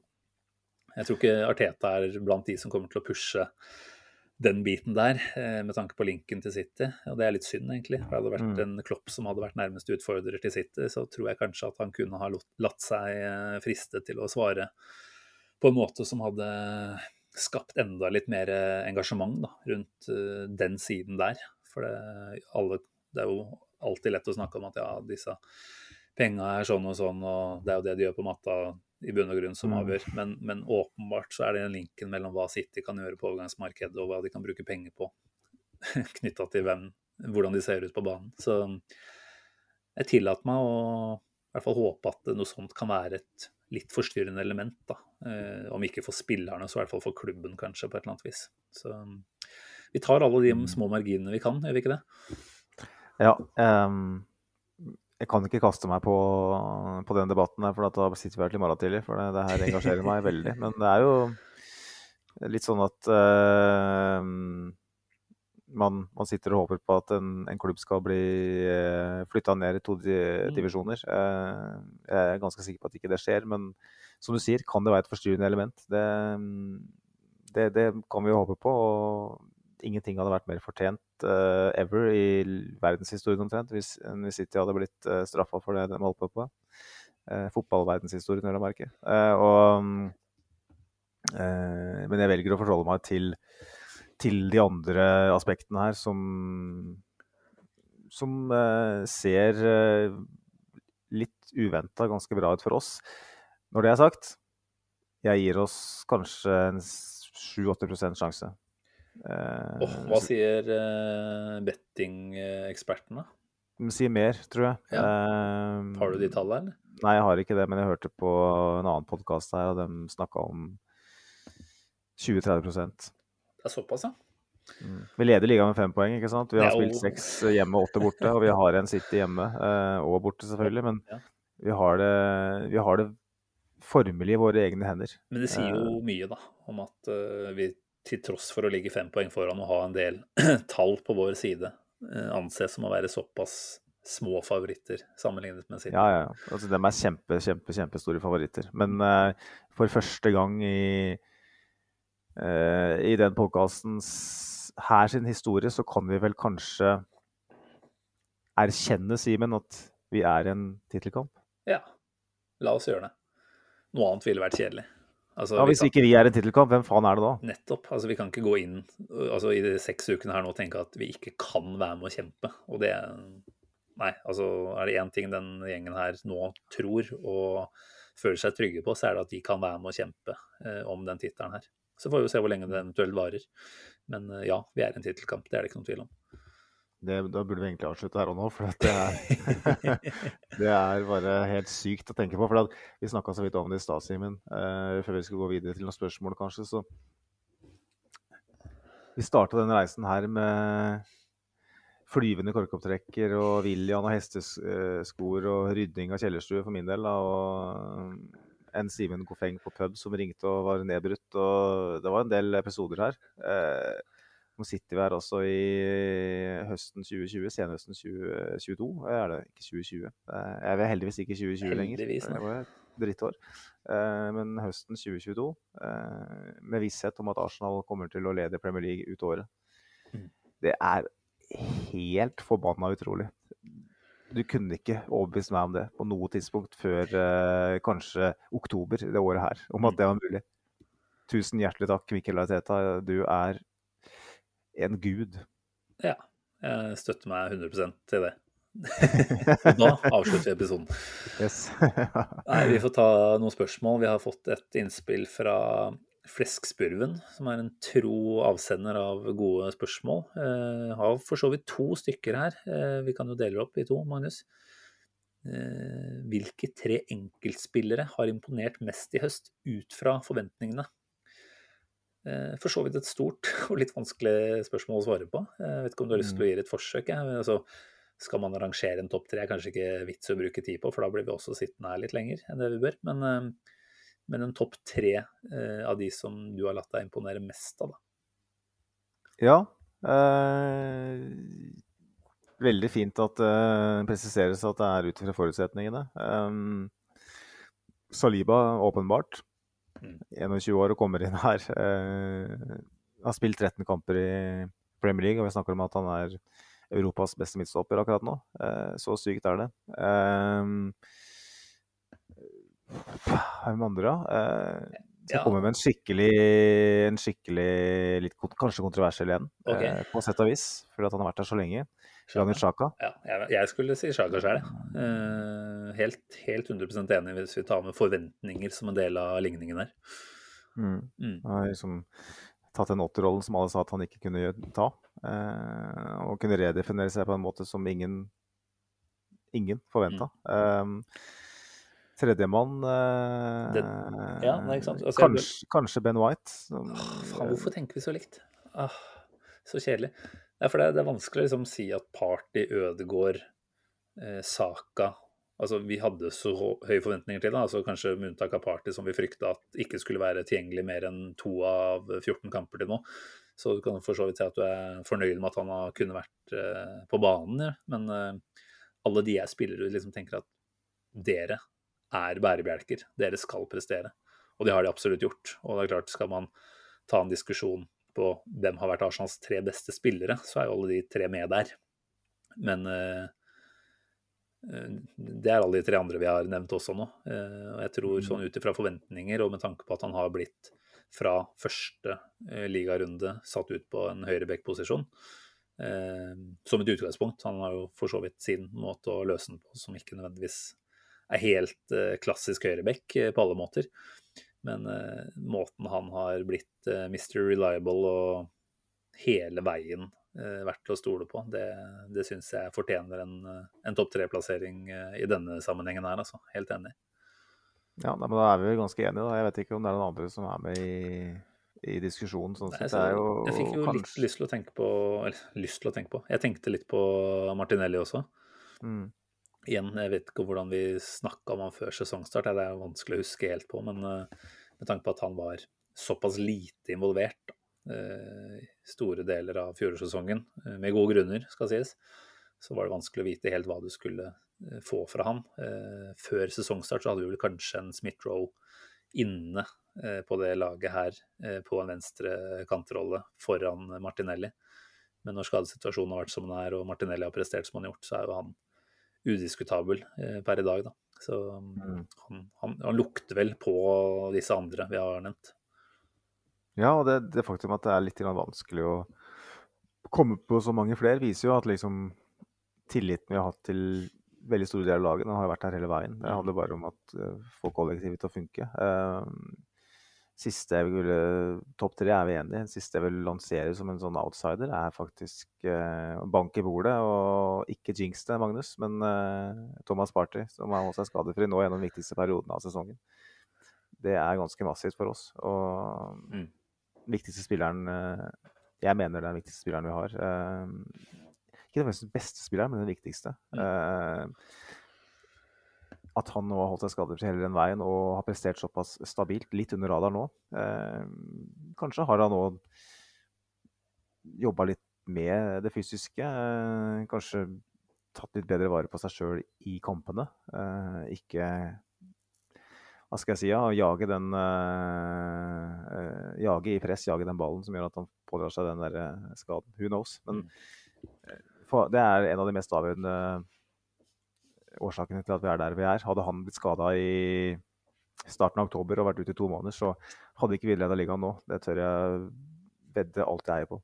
Nei, enig. Eh, vi må prøve å være litt raskere enn det vi klarer å være nå, Magnus, og jeg avbryter deg der. Takk. takk. eh, andre delen av Fleskspurven sitt spørsmål som jeg introduserte her, eh, tror jeg nesten har svart litt grann på. Eh, hvilke tre lag frykter dere mest ut sesongen utenom City? Um, det blir jo liksom litt gjentagelse av det vi var inne på her i stad. Um, det høres ut som begge er enige om at Liverpool er der. Um, du mener Tottenham vil ta en topp fire. og Da tenker jeg at de også er der. Og United uh, ja, både Newcastle og Manchester United. det var fire, det. Da klarte vi ikke det. Uh, men alle de fire Jeg vet ikke om det er ett av de du frykter mindre. Om det er uh, United, kanskje, dine øyne, da. Jeg frykter United mer enn jeg frykter Newcastle, men det Ja. Jeg, jeg liksom tror at Newcastle-kjøret på et eller annet tidspunkt kommer til å mm, stoppe litt. Da. Eh, ikke fordi at jeg ikke tror at de kommer på sikt, det gjør de åpenbart, men eh, at Almiron skal skåre i hver match og ja, Men altså, faen så viktig det er at ikke Newcastle får en topp fire, egentlig, i år. ja fy faen. Fordi det blir jævlig stygt altså, til sommeren med Champions League-pull der. Ja, det er jo kanskje viktigere enn noe, noe annet her, at vi holder dem eh, under topp fire. Så det er jo kanskje Hva skal jeg si, ja? Eh, et litt kult spørsmål og litt dystert spørsmål samtidig til deg, Simen. er Hvem håper du, hvis, hvis det står mellom Newcastle og Tottenham, hvem håper du tar fjerdeplassen? Dilemma. Eh, Ja, men det tryggeste på mange måter ville jo vært å sagt Tottenham. Altså så lenge vi fortsatt kommer over dem på tabellen, eh, og det tror jeg, eh, så kan jeg på en måte tåle at de er der. Altså ja, Conte får kanskje da en sommer til til å bygge et slags lag, men jeg klarer liksom ikke fortsatt å se for meg at han er der på noe særlig mer enn en, en eller to sesonger til uansett. da. En Keynes som begynner å bli gammel. Jeg tror Arsenal tåler bedre at Tottenham kommer topp fire enn Newcastle. Mm. Ett spørsmål til, Magnus, eh, før vi beveger oss videre. Det tar vi med fra Lars Tore Resvold. Eh, Han spør om vi kan komme med en positiv og en negativ overraskelse som vi har sett ut fra kampene vi har gjort unna. Um, Det er ikke lett å finne så mye negativt eh, i år, er det det? Men eh, vi må vel prøve. Kan, vi ikke, kan, vi, kan ikke du ta den positive og jeg den negative, da, sånn at vi er liksom uh, in sync? Ja, du er kun ute etter å fokusere på det negative, du selvfølgelig, så det er greit. Jeg har jo, ja, det, Ut ifra det jeg har sagt i denne episoden her, så er jeg veldig negativ, ja. En positiv overskudd som ja, Det er vanskelig, altså. Men det er vanskeligere, det, vet du, for det, det er jo alt. Ja. Mens det negative er liksom kanskje én ting som er litt lettere å identifisere. Men uh, skal vi ta den gode nyheten først, Simen? Og, og gi deg ordet, eller? Ja, men jeg sliter skikkelig med å finne ut hva det skulle vært. Jeg har ikke, ikke rukket å tenke på det i forkant, så Jeg kan, jeg kan, jeg kan begynne med den, eh, den negative overraskelsen. eh, må jo være at eh, de spillerne som eh, er rett bak de beste, kanskje ikke holder eh, nivået. Sambi Lokonga, som er mm. iallfall vært stort sett hele sesongen vår eh, party backup. Han har spilt seg lenger og lenger unna eh, enn første elver, egentlig. Syns han rett og slett er kjempelangt unna. Eh, både i sekserrolla, men og det lille han har vist i åtterrolla så langt, er ikke i nærheten. Eh, og i tillegg syns jeg Nedi Nketia ikke viser noe i nærheten av det han viste i, på Mm. våren i fjor. Ja, han har en fin scoring nå mot eh, Brighton, en kamp vi ikke har tenkt å snakke om i dag. Eh, og en del innhopp hvor han har vist en del, men han stresser igjen en del avslutningsøyeblikk og banker ballen i alle retninger. eh, sånn at han er ikke den backup-spissen som vi håpte eh, så langt denne sesongen her. Eh, Et par andre år hvis jeg kan nevne. Ja, han viste vel egentlig med det han gjorde på slutten av forrige sesong, at han kanskje trenger å være en sånn type som, som får spille seg ordentlig varm og får en ordentlig run med mye spilletid i mange kamper etter hverandre. Mm. Eh, Så jeg er litt spent egentlig på hva han eh, Både hva han så for seg eh, før denne sesongen her, og om det har eh, levd opp til forventningene, det han har vært på banen. For det har jo stort sett blitt avspist med Europaliga og, og litt ligacup nå på tampen, da. Jeg tror ikke Arsenal er på noe som helst vis ute etter å selge den allerede til vinteren. Det er noe med å ikke svekke troppen, selvfølgelig, men lurer litt på om Igjen, det kommer litt an på hvordan markedet ser ut og sånt. Men jeg føler at uh, kommer man i en posisjon her nå til sommeren hvor en Premier League-klubb blar opp 15-20 mil for en Ketia Han er vel oppe i en million uh, kroner i ukeslønn også, ikke sant. Jeg lurer jo på om uh, vi da ser muligheten for å sende han videre, altså. Mm. Ja, det, det, tror jeg kunne være lurt òg. Og um, da får man på en måte noe igjen, igjen for, for, det òg. Men ja, det er som jeg sier. Eh, frykten for skader, den, eh, den, har jo vært der hele sesongen. Men jeg mm. syns den, den, øker i takt med ukene her, på en måte. Mm. Eh, jeg har ikke sett nok av, eh, av mange som gjør at jeg tenker at en skade på to-tre spillere potensielt kan være livsfarlig for oss. Um, men ja, igjen. Eh, som du sier, da, hvis Jesus får seg langtidsskade, så vil jo Nketa da få eh, flere mm. matcher på rad. Så who knows? Men who knows? det er min negative overraskelse. Eh, positive, den jeg vet ikke om du har grubla noe særlig på? Ja. Nei, jeg, jeg klarer ikke det. her. Én positiv overraskelse. Hva er det jeg ikke forventa, som jeg har blitt overraska over før sesongen? Altså um, så på enkeltspillernivå, ikke sant. Eh, åpenbart, som vi har snakka om Saliba, ikke sant. Det er ikke, det er ikke mm. gøy å prate mer om han. Kanskje Altså, vi kan snakke om Gabriel Jesus og målskåringa hans, eh, som ikke er helt der vi skulle ønske, men at, han er så delaktig i alle andre eh, faser av spillet som han har vært. Det har jo vært litt overraskende. Sånn som vi så han i starten av sesongen, så trodde jeg han ville dunke inn flere mål og kanskje ha det som primæroppgave. Da. Men uh, han er helt spesiell i måten han uh, deltar i både det oppbyggende, men i presspillet og i det defensive. Han, vi ser han jo i hver eneste kamp er helt nede i egen, i hvert fall på høyde med egen femmeter, og frata motstander ball der også. Um, så hvor komplett han er, så kan du da si han er ikke så komplett fordi han ikke skårer nok mål, men uh, at han har så mye annet å by på da, i spillet sitt, det er jeg kanskje litt overraska over, faktisk. Trodde at det skulle være litt grann mindre av det og litt grann mer av målskåreren, men det var ikke så positivt, det her. Så jeg tror du faktisk må komme opp med et eller annet. Altså, jeg er positivt overraska over at vi ikke har hatt flere skader. Eh, vi har selvfølgelig hatt noen ute. Vi har hatt en Smith-Roe. Vi har hatt perioder på Zinchenko og litt på Thomas Party. Men uh, at vi ser ut til å ha fått ganske god skikk på eh, disse muskulære skadene som vi har blitt ridd som en mare av i, i mange år tidligere. Det, det, ser i hvert fall veldig lovende ut. Det var vel en mm. utskiftning på fysio- slash uh, legefronten før sesongen. Var det han Shad som skulle ut da, var det ikke det? Ja. Uh, igjen, han har vel fått mye kreds for det, ja, har det. Tross, tross, alt det gode arbeidet som ble gjort. Da. Vi ja, har jo ikke vært i nærheten så mye problemer som vi hadde hvis vi går fem-seks år tilbake. Da var det jo helt forferdelig i perioder. Mm. Um, så jeg syns, vi bare fortsetter en god trend, jeg. Mm. Um, jo da, for så vidt. Så er det enkeltspillere som i større grad har prega, eh, prega det, ikke at det har vært mange.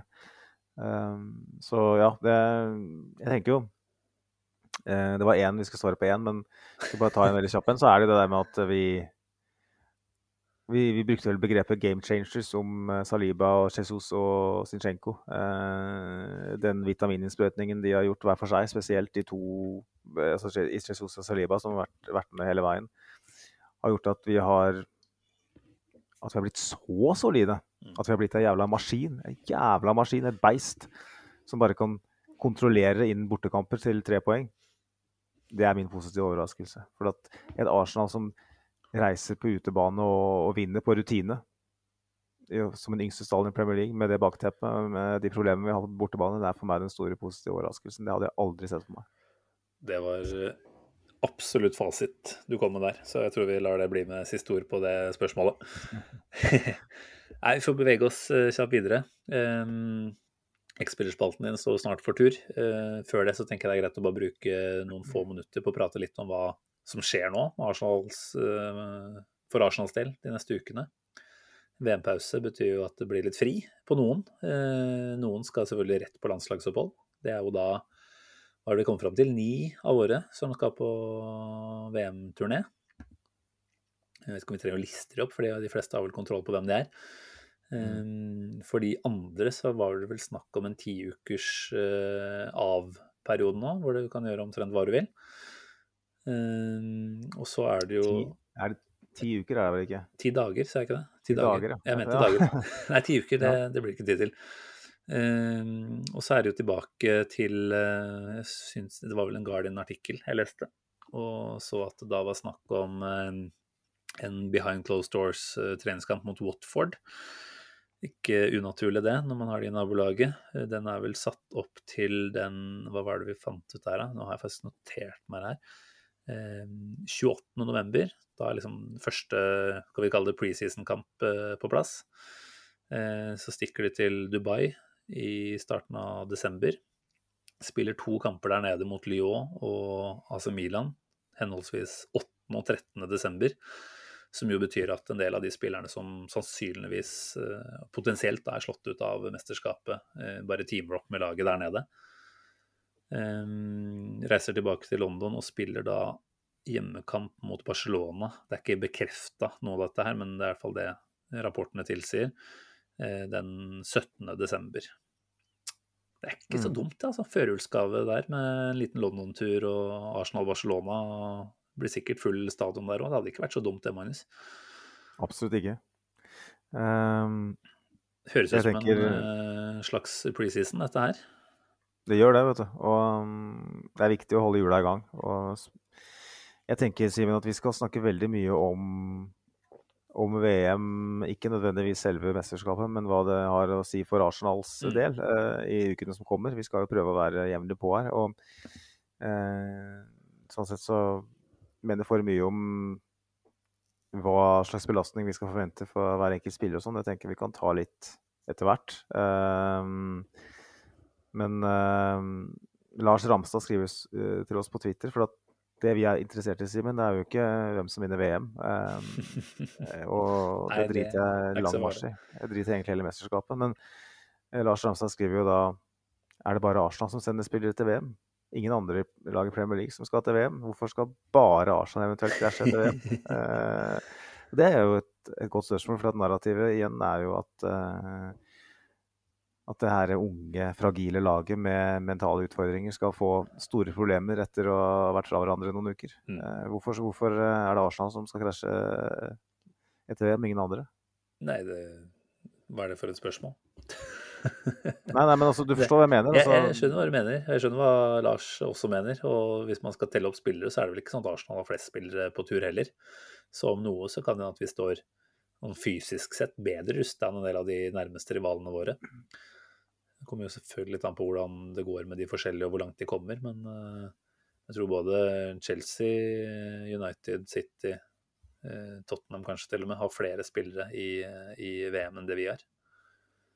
Så det er vel egentlig lite som tyder på at eh, vi skal få noe større krasj der. Men igjen, vi må ta høyde for, og vi må banke litt i bordet for å se hvordan det går eh, med de aller mest sentrale. Det er klart, skulle en eh, Jesus gå langt, skulle Saka gå langt med England La oss si at det er semifinaler på det begge, da, så spilles vel de hva det, sånn cirka den eh, Dette hadde jeg her foran meg i stad. De spilles 13. og 14. eh, desember. Mm. Klart, da har du ikke veldig mye tid. Og da skal det jo også spilles en, en kamp om tredjeplassen, selvfølgelig. Så kommer man til semien, så er man uh, sikra, for å si det sånn, å spille enten 17. eller 18. desember også. så bronsefinale er fortsatt en greie. Det er hvis det er i VM. Møkkakamp. Fucking shit. Men ja, det er klart skal melkes. Men, eh, men det er klart at kommer noen av våre til semi, så er det jo en ganske stor sannsynlighet for at de ikke verken kan eller bør, kanskje, eh, være med mot Westham allerede noen dager etter, da. Mm.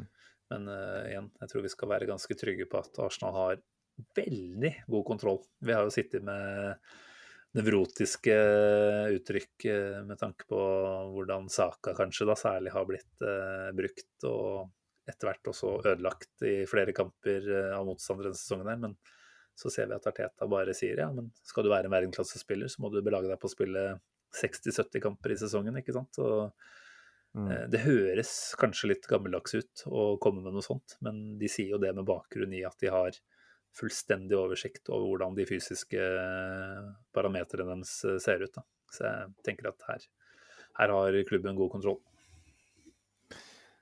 Ja, eh, jeg håper det også. Og det her, vi er en så seriøs fotballklubb nå på alle vis at um, jeg tipper at, uh, at her uh, danser dokkene fra trådene ovenfor. Vi, vi har ikke, det er ingenting som er tilfeldig her. Så, så lenge Thomas Party ikke pådrar seg noe for gala, så er jeg god, Ja, god tro på det meste. Uff, tre kamper på rappen her på, i gruppespillet for hans del. Det det frykter jeg litt, faktisk. Men, Ja, det det gjør vi vi, alle. vi la oss ikke frykte for mye akkurat i dag. La oss suge på den karamellen som vi har under tunga nå. For den skal vi suge på hele jula. Ja, Som du sa, vi, litt juleøl. Ja, fin kombo. Vi går tilbake igjen til litt VM-prat eh, etter hvert som ukene og sånn skrider fram. Så kan vi heller ta, ta de oppdaterte tingene som de skjer. Nå syns jeg vi bare skal, eh, eller for min del i hvert fall, lene meg tilbake. Og så kan du få lov til å finne fram X-spillerspalten din, som du har eh, finpussa på noen dager nå. Så skal vi bare nyte. Ja, da kjører vi på. Byssan lull, koke kittilen full. Det kommer elleve vandringsmenn på teppet. Den ene heter Lukas. Lukas tenner gnisten. Med skjorta veivende over hodet og en grimase som ikke levner noen tvil, blir han forfulgt av to andre med samme uniform. 4-2. Ashburton skjelver i grunnvollene. Ekstasen vekker alle til liv. Kanskje skal Unai servere oss champagnefotball likevel? Kanskje er dette starten på et mer bærekraftig offensivt spill? Festen i Nord-Londons gater er sjelden større enn da lillebror blir sendt hjem med ris på stumpen. Og mens titusener med rødhvit skjorte danser langs fortauskantene i retning et kjent og kjært vannhull, åpenbarer det seg en viltvoksende manke fra vinduet på en sportsbil. Under manken kunne man så vidt skimte en grimase. En grimase verdig Hans Bauge og tirader om hvalkjøtt. Med veivende armer tok han på seg jobben som forsanger og sørga for dyp og inderlig affeksjon fra fansen. He fucking gets it, ble meldt av Twitteratet. Fremtidig kaptein, ble også forsiktig meldt. 19-åringen var den store snakkisen denne høsten. I en stall uten de mest fremoverlente personlighetene sprengte han seg lett frem i køen. Det var han, og ikke Øsil, som piska de andre frem. Det var han, og ikke Aubameyang, som storma inn i boksen i et desperat forsøk på å redde poeng. I kaoset som ofte oppsto da Arsenal ikke var i stand til å kontrollere fotballkamper, var det den hårfagre tenåringen som virka mest moden av dem alle. Han glimra i kaos. Han var kaos. Klipp deg og få deg et arbeid, sa bestemora mi til meg da jeg lot lokkene gro tidlig på 2000-tallet. Det budskapet videreformidla jeg telepatisk til dagens X-spiller. Her har du en personlighet som bare kan formes til, no til noe stort, tenkte vi. Krusedullen på hodet var en metafor for personligheten hans, og kunne han bare frisere bort litt kaos, ville jobben som sjef på Arsenals midtbane være innafor rekkevidde. Akkurat som budskapet til bestemor falt min bønn til dagens X-spiller for døve ører. Ugresset fikk fortsette å vokse, og snart var han selv å anse som ugress i managerens øyne. Miquel Arteta erstatta Una Emery høsten 2019 og hadde ei langt høyere list for kunstnerisk frihet. Struktur og disiplin ble umiddelbart non-negotiable, og den nye sjefen sto for en mye mer uniform tilnærming. Alle skulle skjæres over med én kam. Med andre ord skulle kaos bekjempes med alle tilgjengelige midler. Umiddelbart fikk han en del spilletid, men rett før pandemiens utbrudd begynte det å bli hårete. Rapporter om krøllete oppførsel på treningsleiren i Dubai nådde eteren. Både Edu og Arteta skal ha fått bakoversveis av oppførselen til unggutten. Under en sosial tilstelning måtte Edu gi ham en skikkelig hårføner da han dansa rundt i baris mens resten forsøkte å innta et måltid. Da fotballen omsider returnerte for tomme tribuner sommeren 2020, skulle han imidlertid få en sjanse til å børste vekk støvet fra fotballstøvlene. Men det gikk bare et par kamper før han var i trøbbel igjen. Under en oppheta konfrontasjon i bortekampen mot Brighton var han høyt på strå og lot Neil Maupé på barberisk vis få vite at lønnsnivået i Arsenal tross alt er mye høyere enn i Brighton. I akkurat det tilfellet hadde dagens X-spiller uforbeholden støtte fra samtlige gunere som satt foran kopekassa.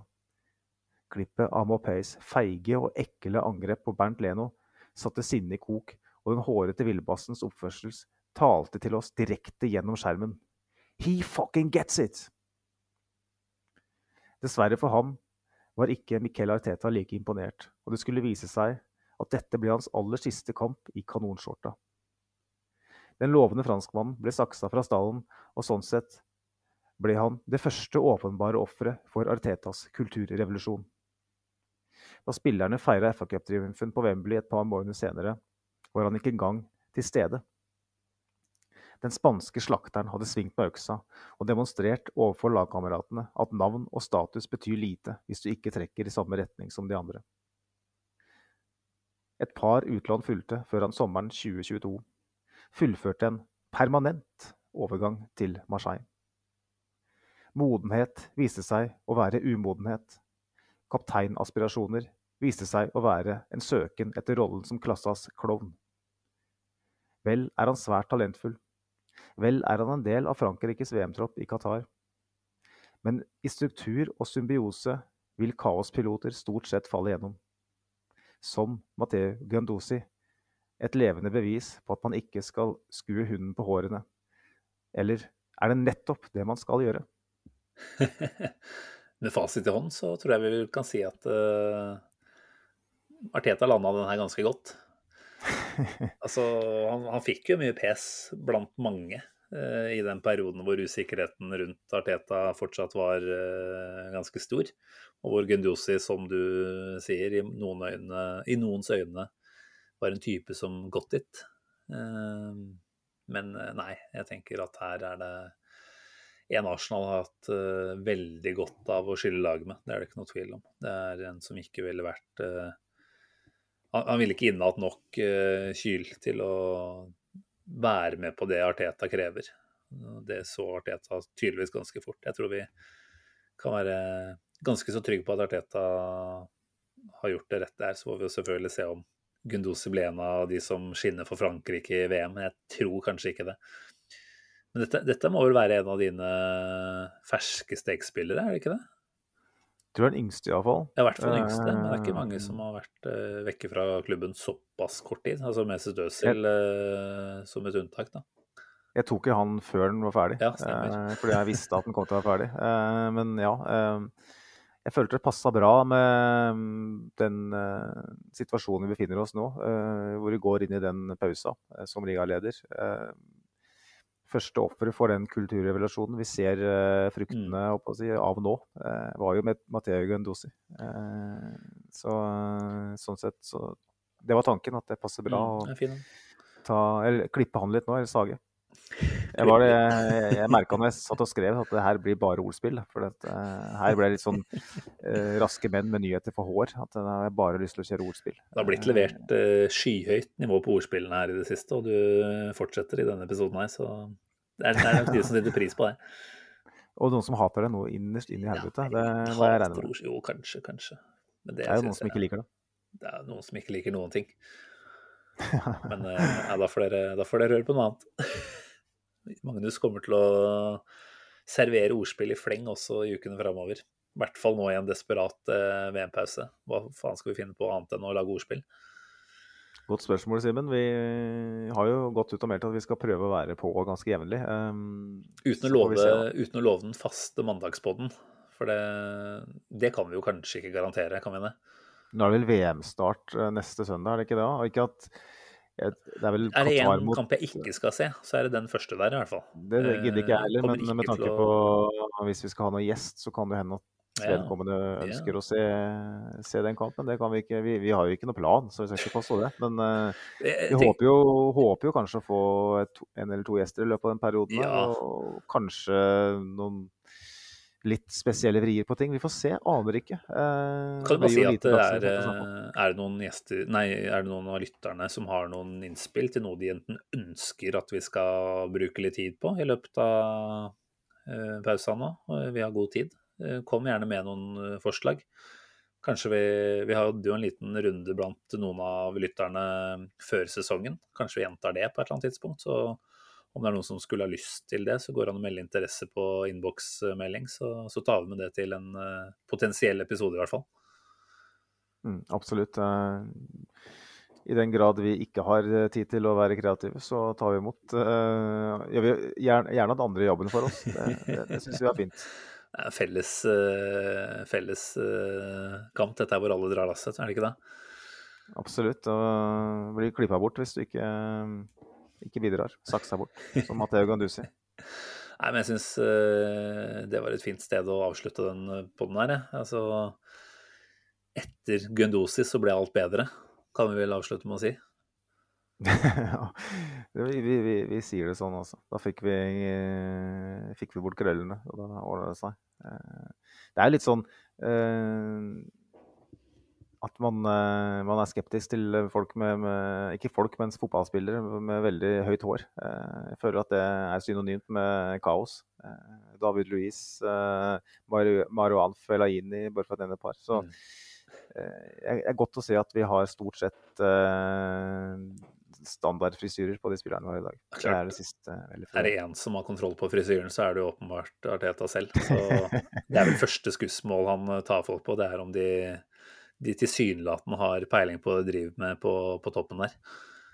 Og så Gundoso og tenkte hva faen, og da var det rett ut. Klokt å få deg et arbeid. Det sa han nei til, og da er det ut. En klok dame. Og det Ikke noe fyrstekake på deg i kveld, er svaret da.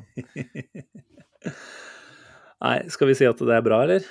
Ja, vi For kaller det en eh, natt. Vi kaller det en natt. Det begynner å tikke mot midnatt, så da, da syns jeg det er på sin plass å runde her. Avslutte med en liten oppfordring om å Om lytterne ikke har vært inne og gitt oss en rating eller review på sin foretrukne podkast-avspillingsstasjon, så gjør gjerne det. Om det er Spotify eller iTunes eller noe annet. Det, om de kommer godt med, vet jeg ikke, men vi, vi syns jo det er gøy å se at folk er inne og gir en liten tilbakemelding der. Så gjør gjerne det.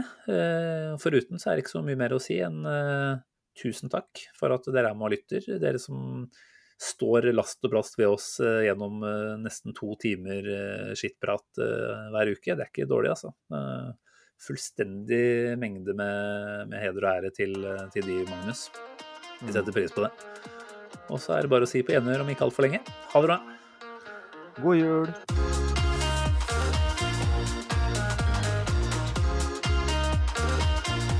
This train terminates here.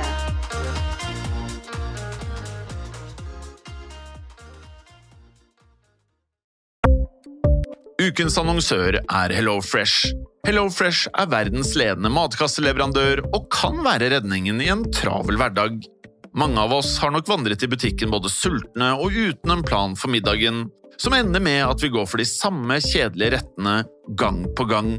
Middag burde være dagens høydepunkt. Som HelloFresh kan du nå velge mellom 25 ulike retter hver eneste uke, eller få HelloFresh til å sette sammen menyen for deg. Dette gir deg muligheten til å prøve nye og spennende retter alene eller sammen med familien. Du velger antall porsjoner og får alt levert på døren på et tidspunkt som passer for deg. Oppskriftene er enkle, og maten er lett å lage både for store og for små. Ved å få alt levert hjem får du også mer tid til å dele matgleden med familie og venner. Kanskje det frister med asiatiske tacos eller greskinspirert kylling? Da kan jeg anbefale deg om å gå inn på hellofresh.no. Her kan du bruke koden FOTBALL og få opptil 1779 kroner i rabatt på de første fem matkastene hvis du ikke har prøvd HelloFresh tidligere. Du kan også bruke rabatten hvis du har vært kunde og stoppet abonnementet ditt for tolv måneder siden eller lengre. Gå inn på hellofresh.no og bruk koden FOTBALL. Har du et enkeltpersonforetak eller en liten bedrift? Da er du sikkert lei av å høre meg snakke om hvor enkelt det er med kvitteringer og bilag i fiken, så vi eh, gir oss her, vi. Fordi vi liker enkelt. Fiken superenkelt regnskap.